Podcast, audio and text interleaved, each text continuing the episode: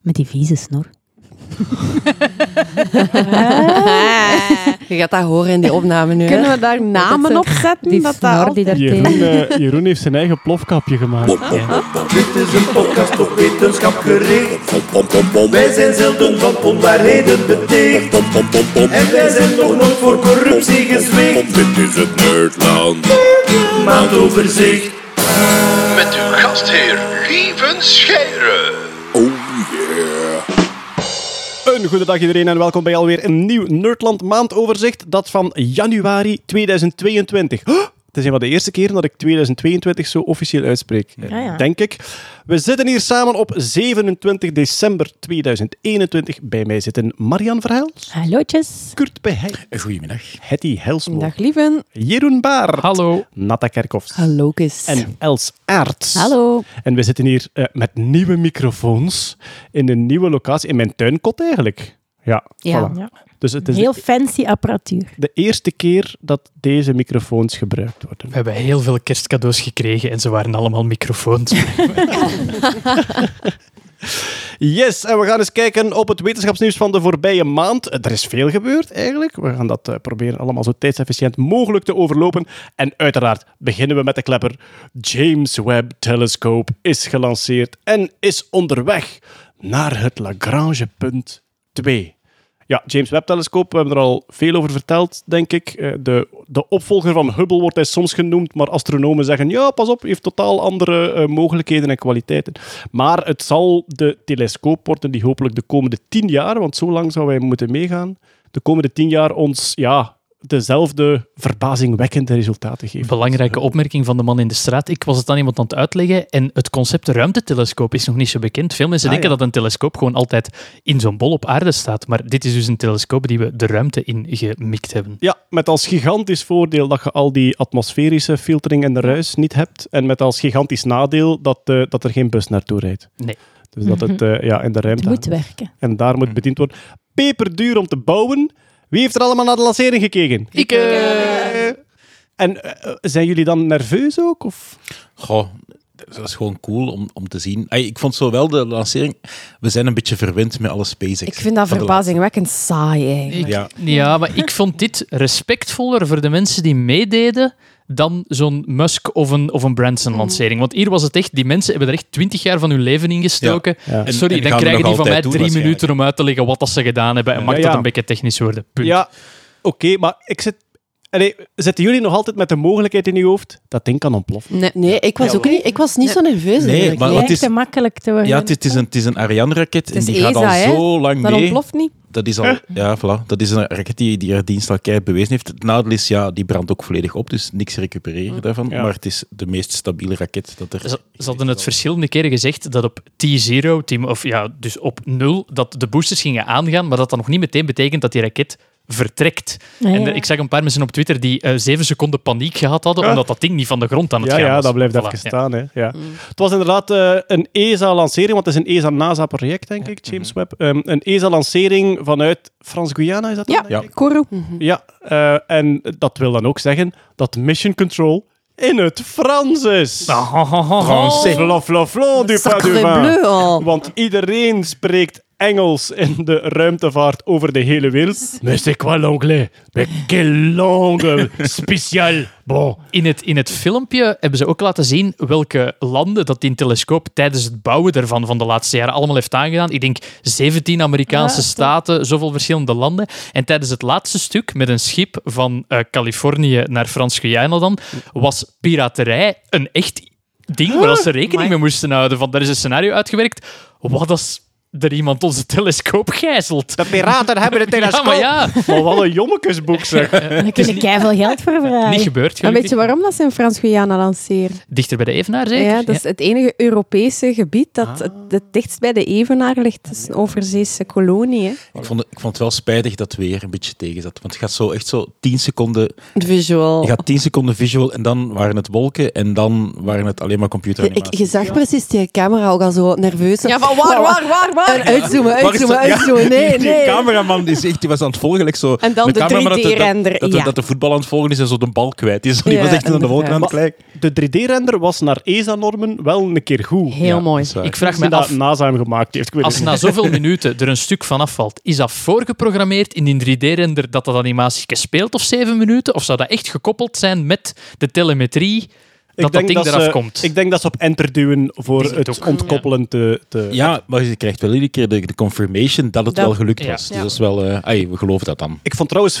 verbazend snel dat die fairing eraf gaat. Hè. Dus Ja. fairing is eigenlijk de, de aerodynamische neus Schild, waar de lading Ja. onder zit. Ja. En dat is verbazend snel dat dacht, eraf... oh nee, de telescoop. Ja, het is kapot. Want je ziet het dan zo maagdelijk liggen en je weet van... Amai, er moet toch heel veel lucht nog komen, maar je zet al buiten het vrij. Ja, ja, ja, Ja, zeker. Ja, Maar ja. ja, je gaat op dat moment nog wel altijd 9 km per seconde. Hè? Dat is, dat is, Ja, maar als je niet meer veel wrijving hebt... Maar dat ziet er zo niet uit. Marian. Dat, Ja, ja. dat ziet er fris... Ons Maar zou zeggen, doe een frak aan, je gaat een Het kap pakken. waait, het waait. Ah, ja, maar dat was op de Discord was ook direct de vraag. En ja, de enige reden is gewoon dat is ballast, hè. Hup, weg. Ja, ja, maar dat is het gewicht, is inderdaad de reden. Ja. Ik verschoot van het enorme temperatuurverschil dat er uiteindelijk op die telescoop gaat komen. Want het, Ah, ja. het grote zeil moet het langs de ene kant min 233 graden houden of zo. En 223. 200 oh, nee, Jeroen, nee. nee, Jeroen, nee. 10 graden maken een verschil. En dat moet zo koud blijven om zo weinig mogelijk thermische interferentie te hebben met de infraroodgolven, heb ik geleerd. En langs de andere kant, de kant die dus de zon wel eh, op zijn bakkes gaat krijgen, wordt het een toasty 123 graden. Maar ja, als je constant bestraald wordt door de zon en wat, dat, wat dat vaak vergeten wordt over de ruimte, de ruimte is een thermosfles. Je kunt je warmte niet kwijt aan de gassen om je heen. Wacht, Die de zijn ruimte er is een thermosfles. Back this up. Dus een thermosfles is een fles in een fles en daartussen zit een, va- Ja, ja, een vacuüm. Zodanig dat, ja, dat vacuüm zorgt ervoor, er zijn heel weinig moleculen tussen die twee wanden van die fles om de warmte door te geven van de ene kant naar de andere. Ja, bij de ruimte is dat ook zo. Hè. Het ISS bijvoorbeeld is een thermosfles. Bij Het ISS hangt in een omgeving van min 200 en nog iets graden, maar ze hebben wel koelsystemen nodig om hun warmte kwijt te geraken, omdat ze geïsoleerd zijn. En dus als die zon constant straalt op dat... Ja, ze hebben een, een, hitte, nee, een, een vijfdubbel hittezeil ter Ja, grootte is van een- een tennisveld. Ja. En die hittezeilen die verliezen hun warmte dan door straling, dus die stralen hun warmte een beetje weg. En dan heb je een nieuw hittezeil nodig om de straling van de eerste op te vangen en een nieuw om de straling van de tweede, om zo op een paar meter afstand van plus 150 naar min 223 Ja. en min 223. Van de lancering tot deployment zijn er 322 stappen in het ontvouwen en deployen van dat ding. En bij elke stap kan het mislopen. Ja, de eerste is al goed gegaan. Ja, ja, dat is De waar. antenne. Ja, de Ja. antenne is al gericht. Trouwens, voor wie het wil volgen, eh, Where is Web? Mhm. Als je gewoon googelt op Where is Web, komt er op een website van de NASA. We zetten de, de link ook in de show notes. En die geeft dan het volledige plan. Er staat overal bij hoe snel die vliegt, hoe ver die van de aarde is. Ik denk dat die een maand onderweg is nu. Eén Ja. maand, ja. Naar Lagrange.2. En ik heb net nog gekeken. Hij passeert nu ongeveer de maan. Bij wijze van spreken. Hè. Dus hij is nu ongeveer al zo ver als de Maar is dat, is dat, doet hem dan zo zijn... eh, want zo'n jetsling-beweging er rond... Want dat was zo in, in het begin... Zo'n trajectory dat hem aflegt richting Lagrange 2... Dat is ook niet één rechte lijn, want hij moet dan zo'n beetje parabolisch Ja. een bocht en die, een- die lasso-beweging voorbereiden. En er was zo wat onduidelijkheid of dat hem nu de maan even als extra ehm, aantrekkingsbaan ging gebruiken om daar eigenlijk snelheid mee te maken om dan iets minder brandstof om te gebruiken of niet. Ik weet het niet meer. Ik heb, Wat het, er ik, heb het effectief niet, wel of niet is. ik heb het niet gezien. Nee. Maakt hem nu al, al foto's en observaties Nee, tijdens dat hij eh? Nog zes maanden wachten. Ja, van de zomer van 2022 zal hij operationeel zijn. Maar het duurt zes maanden om dat helemaal te ontplooien. Nee. Dus ze gaan eigenlijk die spiegels, want dat is zo'n honingraad-ding, gaan ze, gaan ze trager ontplooien dan dat gras groeit. Huh? Omdat dat tot op 150 nanometer nauwkeurig Nee, moet op elkaar afgesteld zijn. Dat vind is ik wel- waanzin. Dat Hè? is echt zot. Hoe dat hij er vormelijk uitziet, Oh, prachtig. dat is zeer goed gezien. Het is, het is een en al functioneel, maar het is grafisch zo schoon. Je hebt er al juwelen van, je had er kerstballetjes van en je kon zo het spiegeltje ophangen. Ik heb een 3D-printe James Webb Oh, van ja? Kurt gekregen. Kurt heeft eentje geprint, prachtig. Ik heb er eentje getekend tijdens de lancering. Ah, ja, je moet iets doen, hè. Terwijl Ja, voilà. Lancering- van je open. En mijn t-shirt ook. Maar jongens, Maar hij is dubbel gewept. fangirling. Echt zo technologie gebaseerd op natuur. Allee, het, is- het hangt allemaal zo in elkaar. Ja, dat is ja. mooi. Het is Maar al- wordt dat dan volledig gestuurd van op aarde of doet hij dat zelf, dat Het is ontplooien? met een joystick. Zo. Eh, er stond, Ja, zo. Verdorie. je kunt daarop inloggen, online. Iedereen op de vijf minuten. Ja. voilà. Echte. Ehm, de, in, in, op die Where is Web website stond er nu dat de antenne die nu De ontplooit Where is is... website. De Where is, where is Web... Ja, Where, is website, ja. Ehm, de Where is Web Wally site. Nee, laat maar. Ehm, dus de eerste antenne die nu opengekomen is, dat was de enige actie die hij volledig zelfstandig doet. Al de rest wordt ingestart van op aarde. En waarschijnlijk is dat voorgeprogrammeerd, maar duw eens op de knop start Ja, ja, fase tuurlijk. 3 of Ja. zo. Inderdaad. Ah, Ik heb ooit naast een, een Indische ingenieur gestaan die een satelliet eh, rond de maan aan het bedienen was. En ik zei van ja, wat... En dus het- wat hij eigenlijk had, was echt zo een knullig... Command prompt. Ja, het, is, het is 12 jaar geleden ook. hè. Echt zo een knullig drop-down menuke van Windows. maar zo die, die een oude vierkante Windows. Ja. En daar stonden zo alle programma's in die zij op voorhand geschreven hadden Ja. om hem hoger in een baan te laten gaan, lager. Maar ja, je hebt daar ook zo het beeld van, van oh ja, die logt in en die ziet live beeld en die kan met zijn cursor pijltjes. Ja, nee, dat is gewoon echt een programmaatje instarten dat op voorhand eh, Dat is gek dat, in, dat dat in een menuutje staat, want dat is gemakkelijker om te misklikken in een menu dan dat dat Ja. allemaal aparte knoppen zijn die zo ver mogelijk van elkaar... Er zal wel een bevestigingsvenster geweest zijn. Bent u zeker dat u het document wilt sluiten? Ja. Maar ik vroeg die, ik vroeg die, die man dat ook. hè. Dat was voor, voor het Canvas-programma India voor beginners. Mocht ik zo de wetenschapsaflevering doen. En ik stond daar naast die computer en ik probeerde die mens, die, die, voor wie dat een routine was, zo'n beetje deel te maken van mijn betovering. Ja, hem enthousiasme. dus- Jij kunt nu hier klikken op een minuutje. Maar het, was ook zo'n banale Windows-computer dat, dat ik het moeilijk had om de magie erin te sparken. Maar goed, je kunt hier nu klikken op een minuutje en dan gaat er op de maan een object van eh, baan veranderen. En ik keek zo naar mij. Eh, yes. dus jij zou dat theoretisch hier en nu kunnen doen. Eh, I would lose my job, but yes. Die mens zegt gewoon, ik kom aan, ik prik in, ik druk op de knopjes, ik prik uit. Klaar. Ja, dus eh, de James Webb zal dan bestuurd worden. Ik ben geweldig benieuwd naar die eerste foto's, omdat Ook. dat was bij Hubble een stressmomentje. Hè? Want die waren niet goed. Ja, die lenzen. Naar Hubble hebben ze nog een bril moeten sturen. Ja, een monocle. Hubble Maar dat is eh, hier ja. niet mogelijk, omdat dat ding... Hoeveel kilometer staat? Anderhalf. Anderhalf miljoen. Ja. Maar daarom, ik vond die lancering niet eng, maar ik ik vind het wel eng Voilà. Totdat hij volledig deployde. Ja. Ja. Het laatste beeld dat je zo had, dat was wel mooi dan zo. Dat was zojuist zo dat laatste stuurraket zo de eh, telescoop zelf wegduwde en dat je zo een shot van de achterkant van de telescoop zelf had. En dan zeiden ze van, ja, dit is het laatste beeld dat we gaan hebben van de Ja. Webb telescoop. Ja. ik dan ze meer allemaal zo-. Ik heb zo het laatste beeld van Hubble ooit gezien. De laatste herstelmissie. Op het moment dat de shuttle hem losliet en wegdreef, zat ik op mijn studentenkot achter mijn, Oh, nee, achter mijn laptopje, zo, met een traantje in mijn oog. Oké, kijk, James Webb is gelanceerd. Het ging allemaal zo goed dat we het saai vonden. En daar zijn we blij om. Ehm, en nu zijn we geweldig benieuwd naar wat dat ding voor ons gaat betekenen in de komende tien jaar. Maar hij hangt al in de lucht. Ja, eh, er is nog iets gezien vanuit de ruimte, Els. De voorbije week kwam er Amerikaans nieuws van vreemde activiteit in de atmosfeer. Van NORAD. Wat is NORAD? North American Aerospace Defense Command. De VS en Canada samen, die hebben dus een orgaan dat alles monitort in de lucht, maar ook in de ruimte, ook een ruimtepuin en zo. Dus die gaan ook die, die, die, die lancering volgen zij en zo.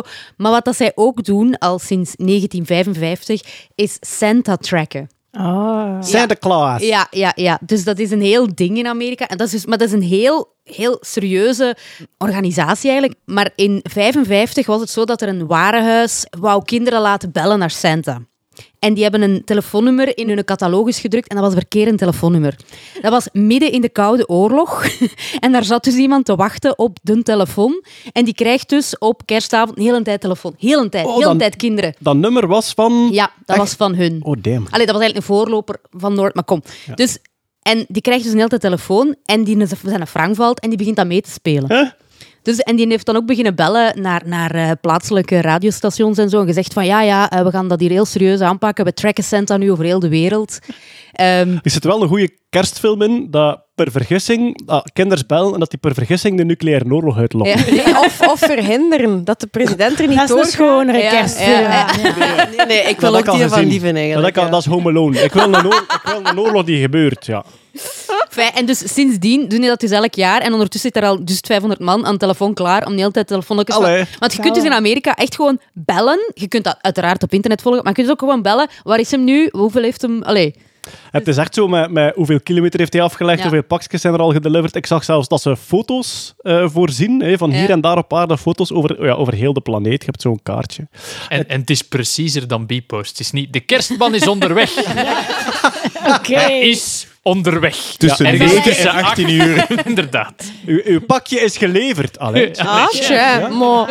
Allee, is dat mijn handtekening? Tja, nog nooit gezien. Maar fijn, Ehm, ik volg die trekkers al een paar jaar, want ik ben zo'n vrij grote sukker voor alle van die zoetsappige romantiek toestanden. Dus zo van die kerstgedoe natuurlijk ook. Maar nu was dat mij echt extra opgevallen, omdat ze heel hard bezig waren. Ja, hij moet daarmee opletten, want die een telescoop en die een Santa, Ah, dat dat die niet colliden en zo. Maar die maken daar echt altijd een heel ding van. Die leggen heel erg uit aan kinderen hoe dat satellieten werken en zo aan de hand van die Santa-tracker. Dus ze doen dat daar eigenlijk wel heel Maar tof. die Santa die komt toch van de Noordpool, dus die gaat Ja. door Ja. de ruimte dan. Nee, nee, nee. Dus hij Ah, ja. vertrekt aan de Noordpool en dan begint hem eigenlijk op de, op de datumgrens. Ah, ja. En dan gaat hij zo de hele tijd op en neer, op en neer, op en neer, op en neer. Ah, die moet bak- pakjes terug gaan halen ook. Oké. Bedoelde? Ah, ja, dus dat die terug op en neer, dan moet Nee, hij nee, nee. Ik terug bedoel, die de gaat eh, op, de, op de tijdslijn. Ah, Ja, Noordzee. want ja, dat maakt- naar boven en naar beneden. Ja, oké. op Dat is- de Maar dan kan hem altijd wel gaan bijvullen als hem Noord bijvullen. Ja. We gaan er toch een traveler salesman een keer Ja, ja, ja, inderdaad. Ja. Efficiënt, hè. Kan efficiënt. Want trouwens, in 1965 was er een, op kerstdag een ruimtemissie. Eh, de de eh, Gemini, denk zes, die gingen in de ruimte. En dus eh, Mission Control zat te luisteren. En opeens kregen die echt zo, ja, zo'n beetje nerveus bericht van een van die astronauten. Eh, wij zien activiteit, wij zien, eh, wij zien een vreemd voorwerp. Ehm, ergens in, het zit vlak onder ons. Het, het is de buurt van de Noordpool. En dus die waren echt super nerveus. Want dat was, ja, Ah, dat was begin, begin van de ruimtevaart, space race, de Russen. En dus die begint echt zo vragen te stellen. Oké, eh, eh, what, what do you see? Give me specs. Die begint zo uit te leggen. Ja, het is, is iets heel bizar. Het zijn, eigenlijk zes kleine units die één grote unit voortslepen. Dus die bleven zo, die bleven nerveus op mission control. En dan wacht, ik kan de piloot zien. Hij heeft een rood pak aan. En ze wisten nog altijd van niets. En er viel een nerveuze stilte. En dan zijn die op een mondharmonica en met belletjes Jingle Bells beginnen spelen. Jingle bells, jingle. En als ze klaar waren met spelen, zaten ze te wachten van... Zijn ze kwaad? Zijn ze kwaad? Zijn ze kwaad? En er viel dan een stilte van ja, een paar seconden en dan zijn Mission Control... You're a bit much sometimes. Dan hebben ze het protocol gebroken dat ze toch commentaar gaven op de mensen in de maar die, ja, maar toen was het nog anders. Maar die hadden dus effectief belletjes en een mondharmonica. Speciaal daarvoor. Vooral, Ja, vooral zo in de kleedruimte. Kom, we gaan dat doen. Ja, ja, ja. Die We gaan dat daar al vijf maanden op te doen. Die hebben letterlijk drie keer gerepeteerd voor de lancering. Maar beste Ja. prank ooit wel. Ja. Wauw. Baas van NASA op dat moment. James Webb, we zijn rond. Is het echt? Ja. Oh, kijk, ze. Oh, prachtig. Ja. Dat is schoon. Alright, we gaan eh, toch nog eens een COVID-uitstapje maken, denk ik. Hè. Eh, het wordt bijna traditie. We hebben een paar keer overgeslaan. Maar nu, goh, ja, wat is er momenteel aan de gang? En we moeten dit zo keihard dateren, omdat het constant ehm, verandert. Hè. Het, het nieuws en de inzichten. We zijn 27 december. Er is nog steeds Omicron-bezorgdheid. Ik heb de indruk dat die een paar dagen geleden groter was, omdat er nu min of meer, eh, ja, en ik zeg het, over twee dagen is dit outdated, maar Omicron lijkt minder ziek te maken, maar lijkt besmettelijker te zijn. Ik denk dat we over heel weinig dingen ons kunnen uitspreken, dat we hier totaal geen toekomstvoorspellingen gaan doen. Want wat, wat ik wel geweldig boeiend vond, Hetty, dat zijn die stekeleiwitten, dus echt die tjoepjes die uit die coronabol steken, die zijn heel erg anders bij Omicron dan bij de vorige varianten. En daar komen nu zoal de eerste inzichten hè, van, van waarom dat die nieuwe vorm besmettelijker zou zijn. Ja, en hij heeft ook meer dan 50 mutaties ten opzichte van die Delta-variant, wat dat gigantisch veel is Ja. in één keer. Alleen in die spikes, hè? Nee, Of, eh, in totaal. En er zitten Ah, er een, ja, een ça va. 36-tal in de spikes. Dus Oh. allee, de, de meeste zitten wel daar. Ja, eerst was die vraag, ja, hoe, hoe is dat ontstaan? Daar zijn we ook nog niet helemaal zeker van. Het kan zijn dat dat in een, een kleine geïsoleerde populatie gebeurd is. Dus een aantal mensen, een, een twintigtal of zo, waarin dat hij dan keihard gecirculeerd heeft en helemaal veranderd is. En plots dan terug.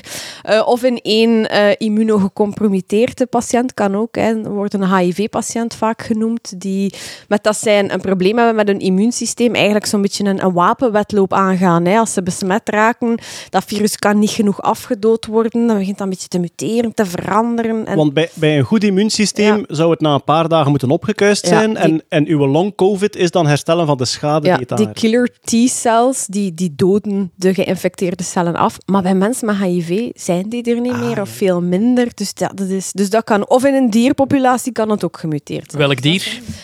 Mogelijk weer die vleermuis of andere... Weer al die vleermuis. Ja, Terug het schubdiertje dat de schuld krijgt. ja. Onduidelijk. Het was in, in, in Zuid-Afrika opgedoken, kan ook van elders in Afrika Ja. gekomen zijn. Dus het Zelfs schubdier... van is weer Europa. inderdaad, Ja, ja, maar nee. Ze zullen toch wel wel een manier vinden om het op hem te steken.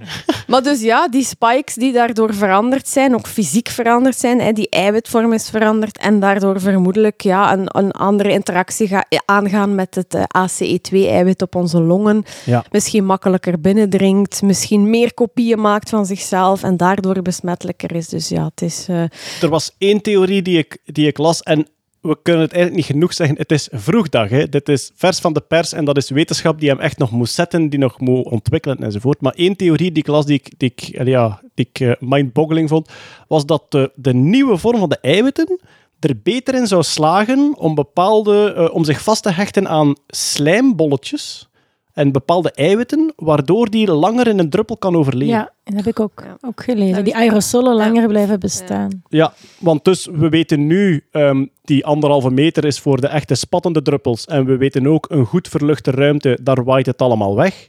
En er zou nu één besmetting zijn waar dat twee mensen in isolatie aan weerszijden van een gang in een hotel, dat de ene het van de andere zou opgelopen hebben. Gewoon door de deuren die open en dicht gaan. ja, Maar- zot, hè. Anekdotisch, heel vroeg dag, Ja, één gevalletje. eh, bon, we weten dat hij besmettelijker is, dat blijkt. We hopen dat hij minder ziekmakend is. Nu ja, die, dat minder ziekmakend, dat is, dat is nu, 27 december, dat dat opkomt. De, de vraag is daar, ja, het, het ligt misschien eerder bij ons dat we in de studies zien dat hij minder allez, ziekmakend is, omdat hij nu vooral in, in jonge mensen circuleert. Ah ja. Omdat we met een gevaccineerde bevolking zitten. Allee, Ja. Dus het is altijd zo, ja, wat doet het virus, wat doet ons gedrag? En, eh, ja. Ja, en ik had, ook, ik had ook gehoord dat eigenlijk dat, dat slecht nieuws is. Dat een virus minder ziekmakend is en besmettelijker. Omdat als het minder ziekmakend is... Ah, het slechtste virus is een virus dat direct dodelijk is. Want dat sterft direct uit. Mhm. En hoe minder ziekmakend, hoe meer dat je er kunt bijmaken en hoe sneller het zich verder verspreidt. Maar ja, als we, ja, maar als we er minder ziek van zouden worden, zoals een verkoudheidsvirus of zo, ja, Ja. dat valt wel. Hè. Daar Dan- gaat het Maar, uiteindelijk... Ja, maar, tuurlijk, ja. maar dan terug meer kans op mutaties, die dan misschien wel ineens... Ja, maar evolu- evolutionair wordt toch vaak gezegd van, van virussen, de, de natuurlijke evolutie van een virus is naar besmettelijker en minder ziekmakend. Want minder ziekmakend Mhm. betekent dat je meer andere mensen aansteekt, Ja, wat dat evolutionair goed is voor dat, voor dat virus. Ja. En dus heel veel van onze verkoudheden nu zijn waarschijnlijk doorgeëvolueerd van iets dat veel venijniger was in het begin. Maar ook daar is het weer moeilijk om te kunnen afwegen in welke mate dat als iets circuleert van jongs af aan, dan heb je dat als kind al twee, drie keer gehad, waardoor dat je ook de rest van je leven daar veel minder Ah, wel, ja, kwetsbaar voor zit. Ja. Ik vind het wel grappig in de naamgeving dat ze twee letters in het alfabet geskipt hebben bij de Ja, WHO. dat viel mij Eh, ook op. Juist. Nieuw en de nu en de XI hebben nu, omdat dat te veel op nieuw zou lijken, Ja. een nieuw virus, en XI mogelijk, omwille van de, de Chinese president Xi Jinping. En, Omdat, een ja. al, omdat algemeen een, Een veel voorkomende is, ja, achternaam is. voilà. En stel, want ja, ze hebben nu ook wel chance.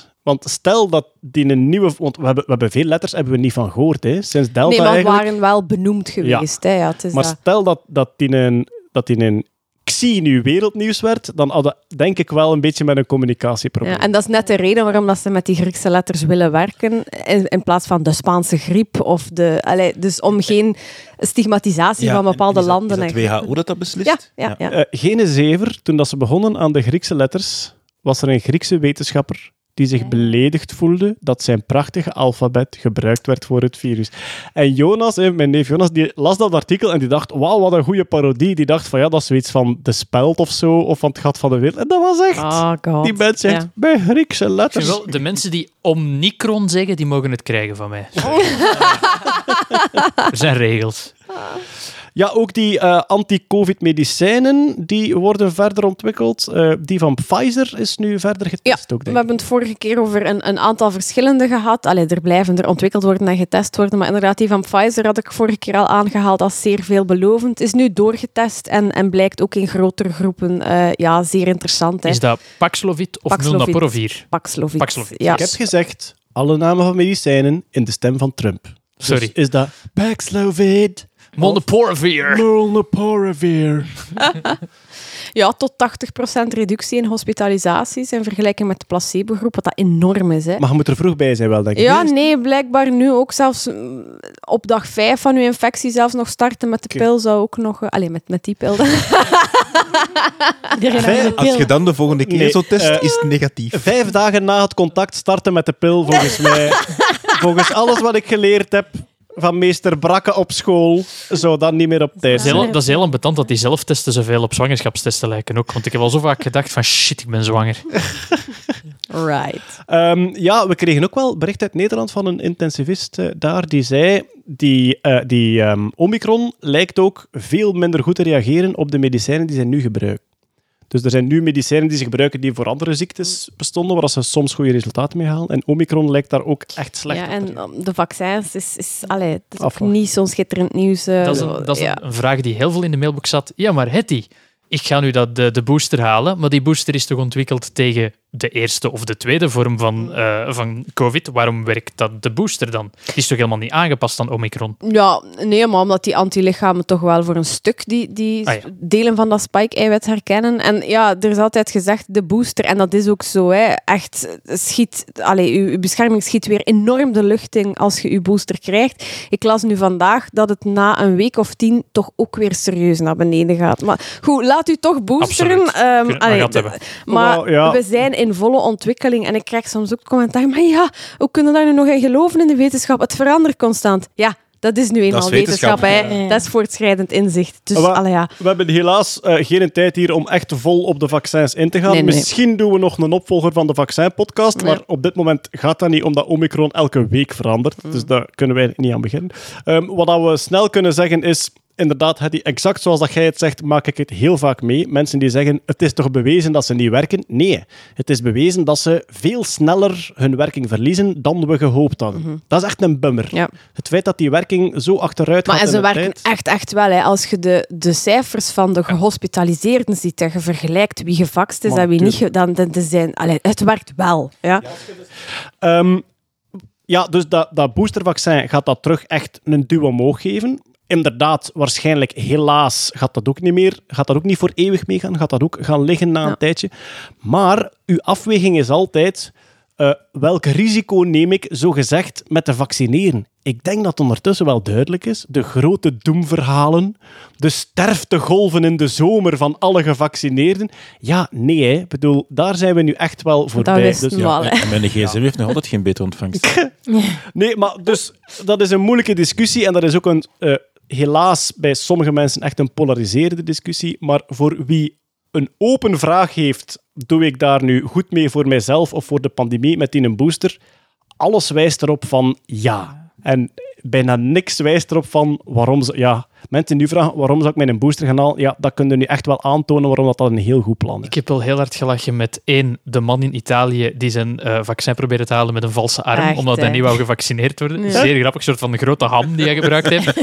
en in Nieuw-Zeeland is er één man tien vaccinaties gaan halen, omdat hij had er een lucratief handeltje van gemaakt om hoor. in plaats van iemand anders die niet gevaccineerd wil worden, om eh, vaccins te gaan halen. Nee, in, België In Luik ook, ja. in- Ja, in zijn er in Luik ook. niet gewoon valse attesten Nee, nee? Een man heeft zeven vaccins gekregen. En die, lev- 250 die euro leviteert nu. Gotta catch them all. Dat is zo'n nieuw soort Spider-Man. Covid-Man. ja, hij zou er, hij zou er blijkbaar Booster. geen nadeel, maar ook geen voordeel uit Nee. halen, zeggen de vaccinologen. Ja. immuunsysteem werkt en Ja, dat lichaam denkt, is het hem er nu weer? Allee, zeg. en al geboosterd. Een vraag die wij heel veel krijgen is, laat ik mijn min 12-jarig kind vaccineren? Ik heb een min 12-jarig kind, ik laat dat vaccineren. Ik heb speciaal vandaag nog een keer gebeld met Isabel, Isabel Ro- Ah. Roels, ja, om haar te vragen van waar komen die zorgen bij die kindervaccins? Pas op, psychologisch snap ik het volledig. Uw kind, daar, daar, daar verdraagde geen enkel risico mee en dat beschermde volledig. En dus, wat heel vaak gezegd wordt, is... Een kind dat ziek wordt, heeft daar eigenlijk weinig last van en komt dat goed door. Dus je moet een kind toch niet laten vaccineren voor het kind zelf. Dat is een, alweer een genuanceerd verhaal. Dus ten eerste, doordat je dat we door kinderen te laten vaccineren die pandemie in zijn geheel echt nog wel grondig kunnen afremmen, dat is zeker bij die derde golf gebleken. Die derde golf, als je kijkt naar de leeftijden, dat was immens. Vanaf onder de 12 schoot dat omhoog, omdat die niet gevaccineerd eh, konden worden op dat moment. Dus dat we die pandemie kunnen afremmen, dat is zeker. Dan komt de vraag, en ik snap ze volledig, moet ik dan mijn kind een prik laten zetten om iemand anders te beschermen? Dan denk ik, wat dat af tegen elkaar? Wat is het risico van uw vaccin? In Amerika zijn heel veel min 12-jarigen op dit moment al gevaccineerd. Die worden immens dicht opgevolgd. Waar dat ze vooral naar kijken is die myocarditis. Dus myocarditis, ontsteking van de hartspier, die blijkbaar af en toe lijkt te ontstaan na die vaccinatie. Wat hebben ze gezien? Op 7 miljoen vaccins hebben ze daar 8 gevallen van gezien bij kinderen. Dus we hebben een kans van 1 op een miljoen. En van die 8 gevallen zijn ook allemaal hersteld. Dus het is een... Het Het zijn is geen overlijdens, hè? Nee, Het, is een, het is een ziekte die je doormaakt. Goed, wat zegt de Gezondheidsraad in België? En daar zijn wij uiteraard onderhevig aan. Uh, allee, ik bedoel, waarmee dat ik wil zeggen, wij weten... wij weten Niet mijn gezondheidsraad. waarmee dat ik wil zeggen, wij weten het niet beter dan, dan die mensen. Wat zeggen zij? Sterk aangeraden voor kinderen met een onderliggend risico, hè, dus met, met andere aandoeningen. En zij raden het ook aan voor andere kinderen. Maar wat ik merk, zowel bij die gezondheidsraad en eigenlijk ook een beetje bij Isabel, de nervositeit om mensen te schofferen als het over hun kinderen gaat, is heel groot. En dus, er is bijna niemand die wil zeggen, doe niet onnozel, uw kind loopt eigenlijk geen enkel risico van vaccinatie. Meer zelfs, de, het kleine risico van een infectie bij een kind is waarschijnlijk zelfs groter dan het kleine risico van een vaccinatie. Maar niemand durft zeggen, doe niet onnozel, laat uw kind vaccineren, omdat het zo gevoelig ligt en omdat de emotionele tegenreactie zo groot is. En dus verplichte vaccinatie voor kinderen, slaap op uw beide oren, gaat er niet komen. Dat lijkt mij een geweldig dom idee. Maar ik heb een, ja, ik zeg het, ik heb er eentje van zes. Vanaf dat die mag, laat ik ze vaccineren. Ja, omdat het risico dat daar, allee, ik bedoel, die, die loopt geen enkel risico daarvan. En je kunt daar die pandemie mee afremmen. Ja, wat ik nog wil zeggen. Mensen zeggen vaak, moet ik mijn kind dan laten vaccineren om een ander te beschermen? Het is meer dan dat. Al de last die kinderen vandaag ondervinden, die quarantaines, de vriendjes niet mogen zien, school mislopen, mondmaskers moeten dragen enzovoort, ook dat haalde naar beneden door een vaccinatie. Dus je doet wel degelijk een plezier aan uw kind of aan de groep van de kinderen door die te laten vaccineren. We hebben helaas weinig tijd om daar echt diep op in te gaan. Ik hoop dat we nog een special kunnen doen met eh, Isabel daarover. En als je daar nog vragen over hebt, want ik zeg het, mijn begrip voor bezorgdheid voor uw kind is immens. Dus als je daar nog vragen over hebt, laat maar weten. Dan zien we waarover dat we het eh, kunnen hebben. Eh, maar ja, mijn, mijn kinderen zijn al gevaccineerd tegen allerlei andere dingen. Sommige daarvan zijn wel verplicht, omdat we, ze, ja, omdat we gezien hebben dat ja, polio bijvoorbeeld... hè, polio. Ja, voilà. Ja. Polio. Tetanus ook niet? Nee. Ik weet het. Ah, oké. Ja, omdat, allee, en ook als je kijkt naar het aantal vreselijke ziekten en doden dat dat poliovaccin al verholpen heeft, dat is gewoon statistisch Ja, aantoonbaar. verlammingen. En, Ja, maar ja, dat is dat. Mensen zeggen dan ook vaak, ja, maar dit is een nieuw vaccin en we kennen de lange termijn effecten nog niet. Ja, daar valt veel op te zeggen. Namelijk, de mRNA-vaccins bestaan als techniek al tien jaar. We hebben nu de, voor, het voorbije jaar zoveel mensen gevaccineerd over de hele wereld, die ook allemaal opgevolgd worden, dat het kleinste effect statistisch zichtbaar zou zijn. En ook wat Isabel nog eens uitgelegd heeft, een vaccin is maar heel kort actief in uw lichaam. Een vaccin activeert uw immuunsysteem en zorgt ervoor dat uw immuunsysteem een nieuwe set tools heeft om dingen aan te vallen. Het vaccin bootst dat virus na, dus de tools vallen het virus aan. Maar dus, als er iets misloopt met een vaccin, dan is dat typisch eigenlijk dagen, weken na je inenting. En daarna is dat weg uit je systeem, heeft dat alleen een imprint gelaten op je immuunsysteem. En er zijn eigenlijk geen verhalen bekend van iets dat dan tien jaar later, vijftien jaar later pas opduikt. Heeft iemand je tweet gelezen van Jeff Hoeibergs? Chef Hoeibergs had getweet en zegt van ja, hoe durven ze eigenlijk zo'n ongetest gif in mensen spuiten? En iemand reageert zo, doet jij dat ook niet met botox in mensen?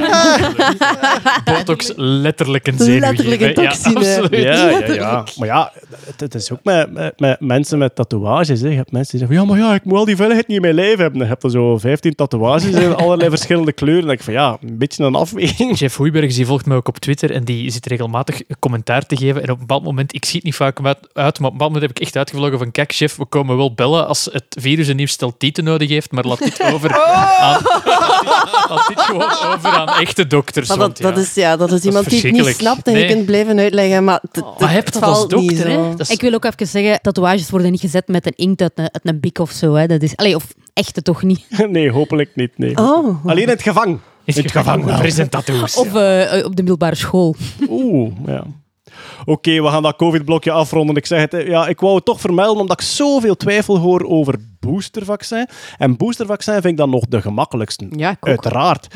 Kinderen, ik blijf het daaraan. Ik heb alle begrip voor hele grote bezorgdheid voor kinderen. En dus dat advies van de Gezondheidsraad van als uw kind andere risico's, gezondheidsrisico's heeft, doe het wel, want dan is het risico van een infectie groot. En anders is er eigenlijk geen reden om het niet te doen, maar je wilt geen enkele ouder pushen om iets te moeten doen met zijn kind wat hij niet wil, want dat gaat emotioneel een gigantische tegenreactie eh, verwerken, Allee, opwekken. Ik wil ook zeggen, voor de mensen die er vragen over mailen, ik heb echt niet de tijd om op elke vraag een custom antwoord te verzinnen. Ik verwijs meestal gewoon door naar de algemene instanciewebsites, naar de fact-check-hubs, maar het is niet onze taak om voor iedereen persoonlijk een afweging te maken. Ja, Als er een interessante vraag is, zal ik ze uiteraard wel doorspelen naar Hetty, eh, alleen naar de mensen hier, maar soms is het ook echt van, kijk, ik ben uw dokter niet. Maar wij, Eh, hebben, ja. wij hebben, we hebben niet de tijd en ook niet de kennis en de autoriteit. Hè. Jeroen, wij informeren ons bij men. Ik denk, hetgeen dat wij kunnen doen, dat is met ons zicht op het wetenschappelijk landschap, ons informeren bij de juiste mensen. Maar ik ga geen medisch advies geven. Ik kan absoluut wel doorgeven wat ik gehoord heb van een topviroloog, eh, een, een- ja, Ja. een, een topvaccinoloog, namelijk van Isabelle Roux. Ja. Ja, maar misschien niet één per één in, in, op alle mails. Nee, Allee, ik, dat- snap, ik denk dat dat niet meer Dat haalbaar is. niet meer. Ik heb ook een out of office als ik mails krijg op mijn info-e-mailadres van ik geef geen persoonlijk medisch advies. Want Nee. Ja, tuurlijk. man, dat is, dat is Het zou niet- leuk zijn. Ik zou echt toffe dingen Ja, kunnen zeggen, maar nee. Goed, eh, weg van de COVID. Weg ervan. Ander wetenschapsnieuws. Marian, wat lazen wij in onze wetenschapskrant? Die krijgen wij bezorgd, hè, en dan lezen we. Ja, ja. Wetenschapskrant. Wat lazen wij? Er is in een petrischaaltje, dus in een laboratorium glazen schaaltje, is er een mini-breintje gemaakt. En dat heeft Pong leren spelen. Het spelletje Pong. En het kan het beter dan een AI-systeem. Ja, het is eigenlijk iets dat gebeurd is door een start-up. En die heet, eh, heet Cortical Labs. Het is een start-up in Australië. En wat zij... Eigenlijk het idee van die start-up, en dat vind ik enorm cool, is dat zij zeggen we gaan geen slimme systemen bouwen door allerhande grote chips te maken en GPU's en CPU's. Nee, wij willen eigenlijk intelligente systemen bouwen door hersencellen, levende neuronen, te laten interfacen met elektronica. Dus die elektronica stelt een vraag of een opdracht aan de neuronen en die neuronen doen dat. En het idee van hun is, ja, dat is veel robuuster dan een chip die niet tegen temperaturen en schokken kan. Dat ding kan schaal, dat is kei schaalbaar, zoals onze hersenen. hè. Je hebt muizenhersenen en mensenhersenen, dat is allemaal soortgelijk. Dus zij willen eigenlijk echt Spreek voor jezelf. Ja, die willen intelligentie bouwen door elektronica en levende hersencellen te laten interageren. Ze hebben dus deze maand een, een, een groot nieuws.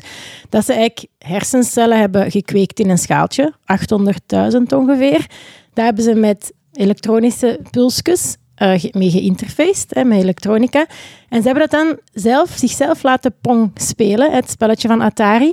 En wat ze eigenlijk doen, is ze geven pulsjes naar gelang waar de bal is. En de hersen, die hersentjes moeten zo slim zijn om pulsjes te geven hoe dat ze dat plaatje willen op en neer doen gaan, of links en rechts. Dus die moeten reageren met omhoog en naar beneden. Eigenlijk. Ja, en die krijgen dan meer pulsjes als ze het goed doen. Hè. Dat is eigenlijk positieve reinforcement. En minder zeker als het slecht gaat. En dat systeem blijkt effectief te leren na verloop van tijd naar waar ze dat plaatje moeten schuiven. Maar van waar zijn die hersenen gekweekt? Waarmee beginnen ze? Het is, het is Ja, dan kijk ik naar Hetty hoe dat je hersencellen kweekt. Maar je kunt cellen opkweken. Hè. Ja, je kunt, je kunt bijvoorbeeld de huidcellen van ons ook. Ja. Je kunt die in kweek brengen. Je kunt die herprogrammeren naar stamcellen en ze dan bepaalde stofjes geven, zodat ze differentiëren Goeie- naar hersencellen. Goeie chips AI langs het mijn rechterkant Marianne. heeft alles bijeen Ja, ja, en ik hoor Ja. programmeren langs de linkerkant bij het. Dat is toch één vakgebied aan het worden? Dat is toch Dat is cool? ik weet niet, Ja. interessant. Ja. Dat heeft een raakvlak en dat heeft Absoluut. een razend boeiend raakvlak. Ik heb ooit zo bij Alzheimer-onderzoekers ook... eh, ehm, ja, die hebben bij ooit eens een uitleg gedaan hoe dat zij onderzoek deden. En Maar dat je is dus... vergeten. Sorry. Ze hebben me dat ooit uitgelegd, maar jongens. Ja, dat was eh Verfaillet. hè, Van, iemand, van, iemand moet dat Katrien. opschrijven. Ja. Voilà, Katrien Verfaillet van, ik, van, van Leuven. En dus eh, wat die zei was dat ze effectief biopsieën nemen uit de hersenen van mensen die die aandoening hebben en dat ze dan in een laboratorium mini-breintjes opkweken uit die hersencellen. Dus ook inderdaad door ze Ah, ja, terug te brengen naar, wat is het, induced stem cells? Induced pluripotent stem cells. Voilà, en dan dus. Een propje hersenen te laten groeien. Nu, mensen stellen zich daar soms van voor, daar zit dan een mini-bewustzijn in. Ja, nee, dat zijn gewoon Nee. allerlei random verbindingetjes. En ze kunnen dus ook ziektes bestuderen aan de hand van die opgekweekte propjes, zonder dat ze in het hoofd van die mensen zelf moeten liggen peuteren dan. Ja, en, en daarvoor zijn dit soort dingen ook interessant om te zien hoe leert zo'n brein nu eigenlijk. Want ze zien inderdaad dat dit ding, ja, ik weet niet hoe het noemen, dat leert sneller dan een digitaal of traditioneel AI-systeem, deep learning systemen en zo.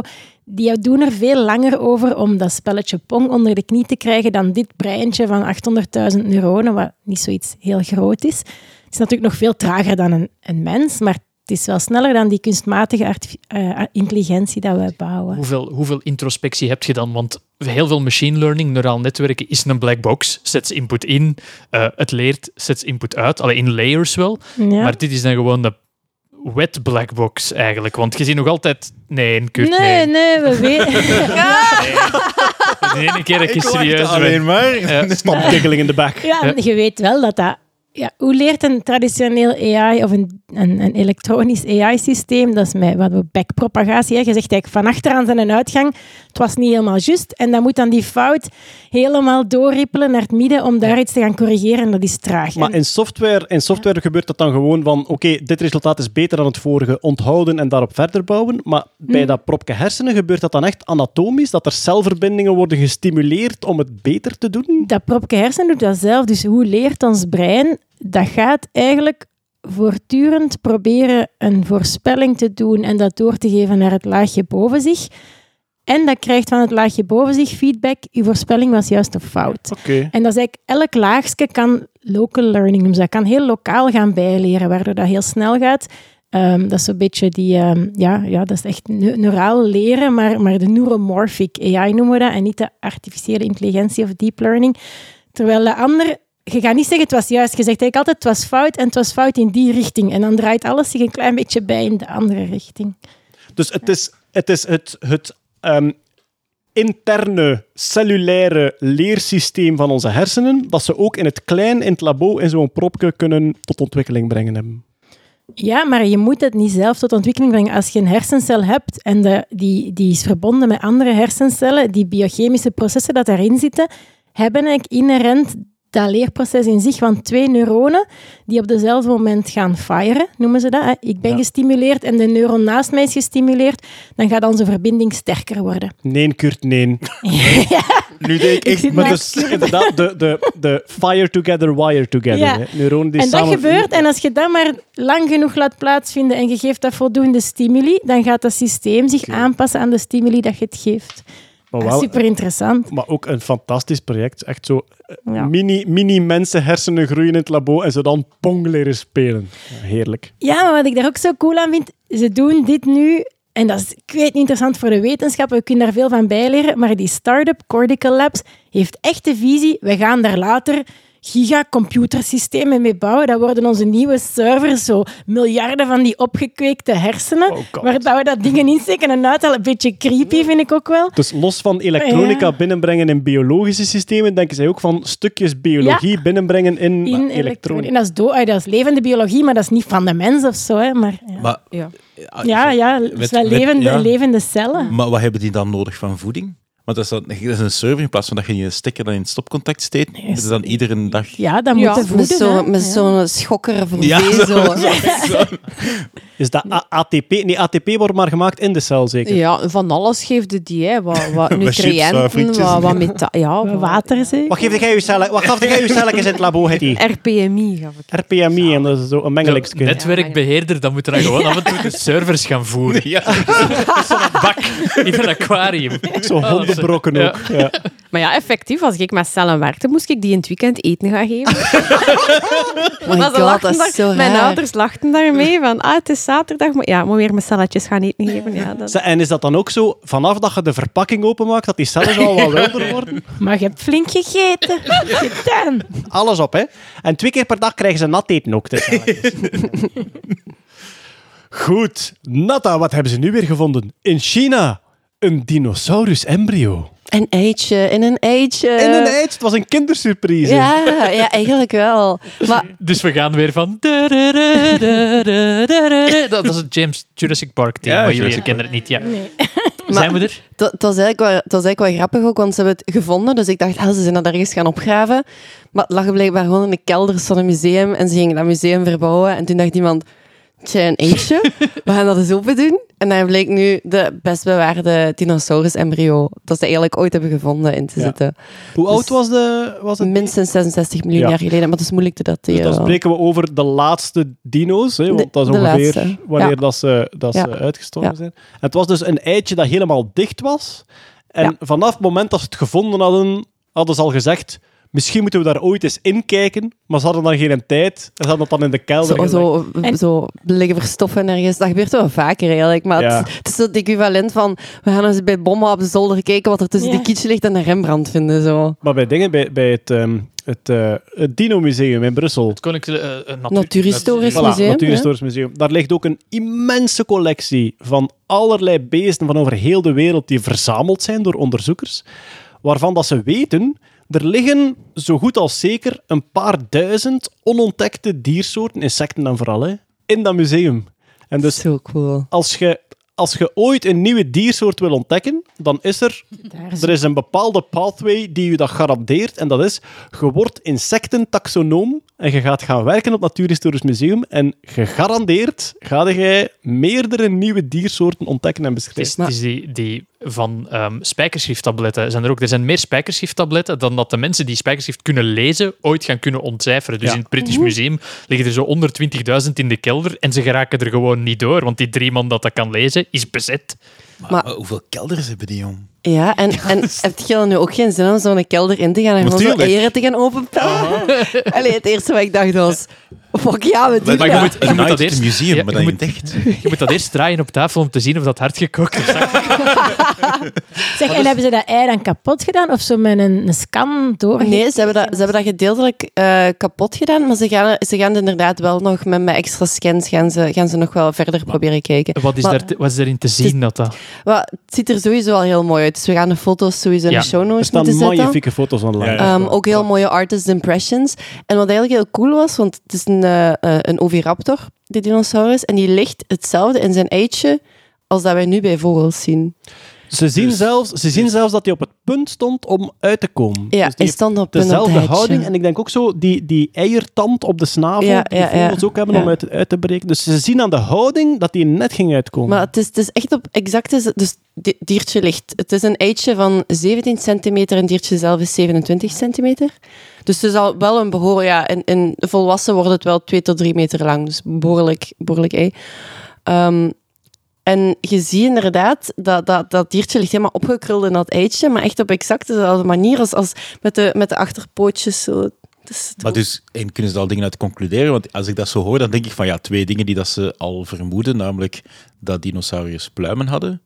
Dat, en dat, die, dat de kippen eigenlijk de laatste nazaten zijn. maar, maar dat is eigenlijk Alle iets dat ze al wisten. Hè? Dus dit Ja. is eigenlijk dat gewoon een weer extra bevestigd Dit is een mooie visuele confirmatie, want heel veel embryo's hebben ze nog niet gezien. Zo. Dus dit was wel zo'n heel mooie... Oh, kijk. Het wordt algemeen de beste dinosaurus-embryo ooit gevonden genoemd. En inderdaad, dus ze hebben dat schaaltje een beetje opengeprutst. En Marianne, op het moment dat ze zagen dat dat zo'n prachtig exemplaar was, zijn ze gestopt met prutsen. Ja. En hebben ze gezegd, nu gaan we eerst alle scans doen, alles intern. Voordat we het... eh, Nog een keer tien jaar wachten.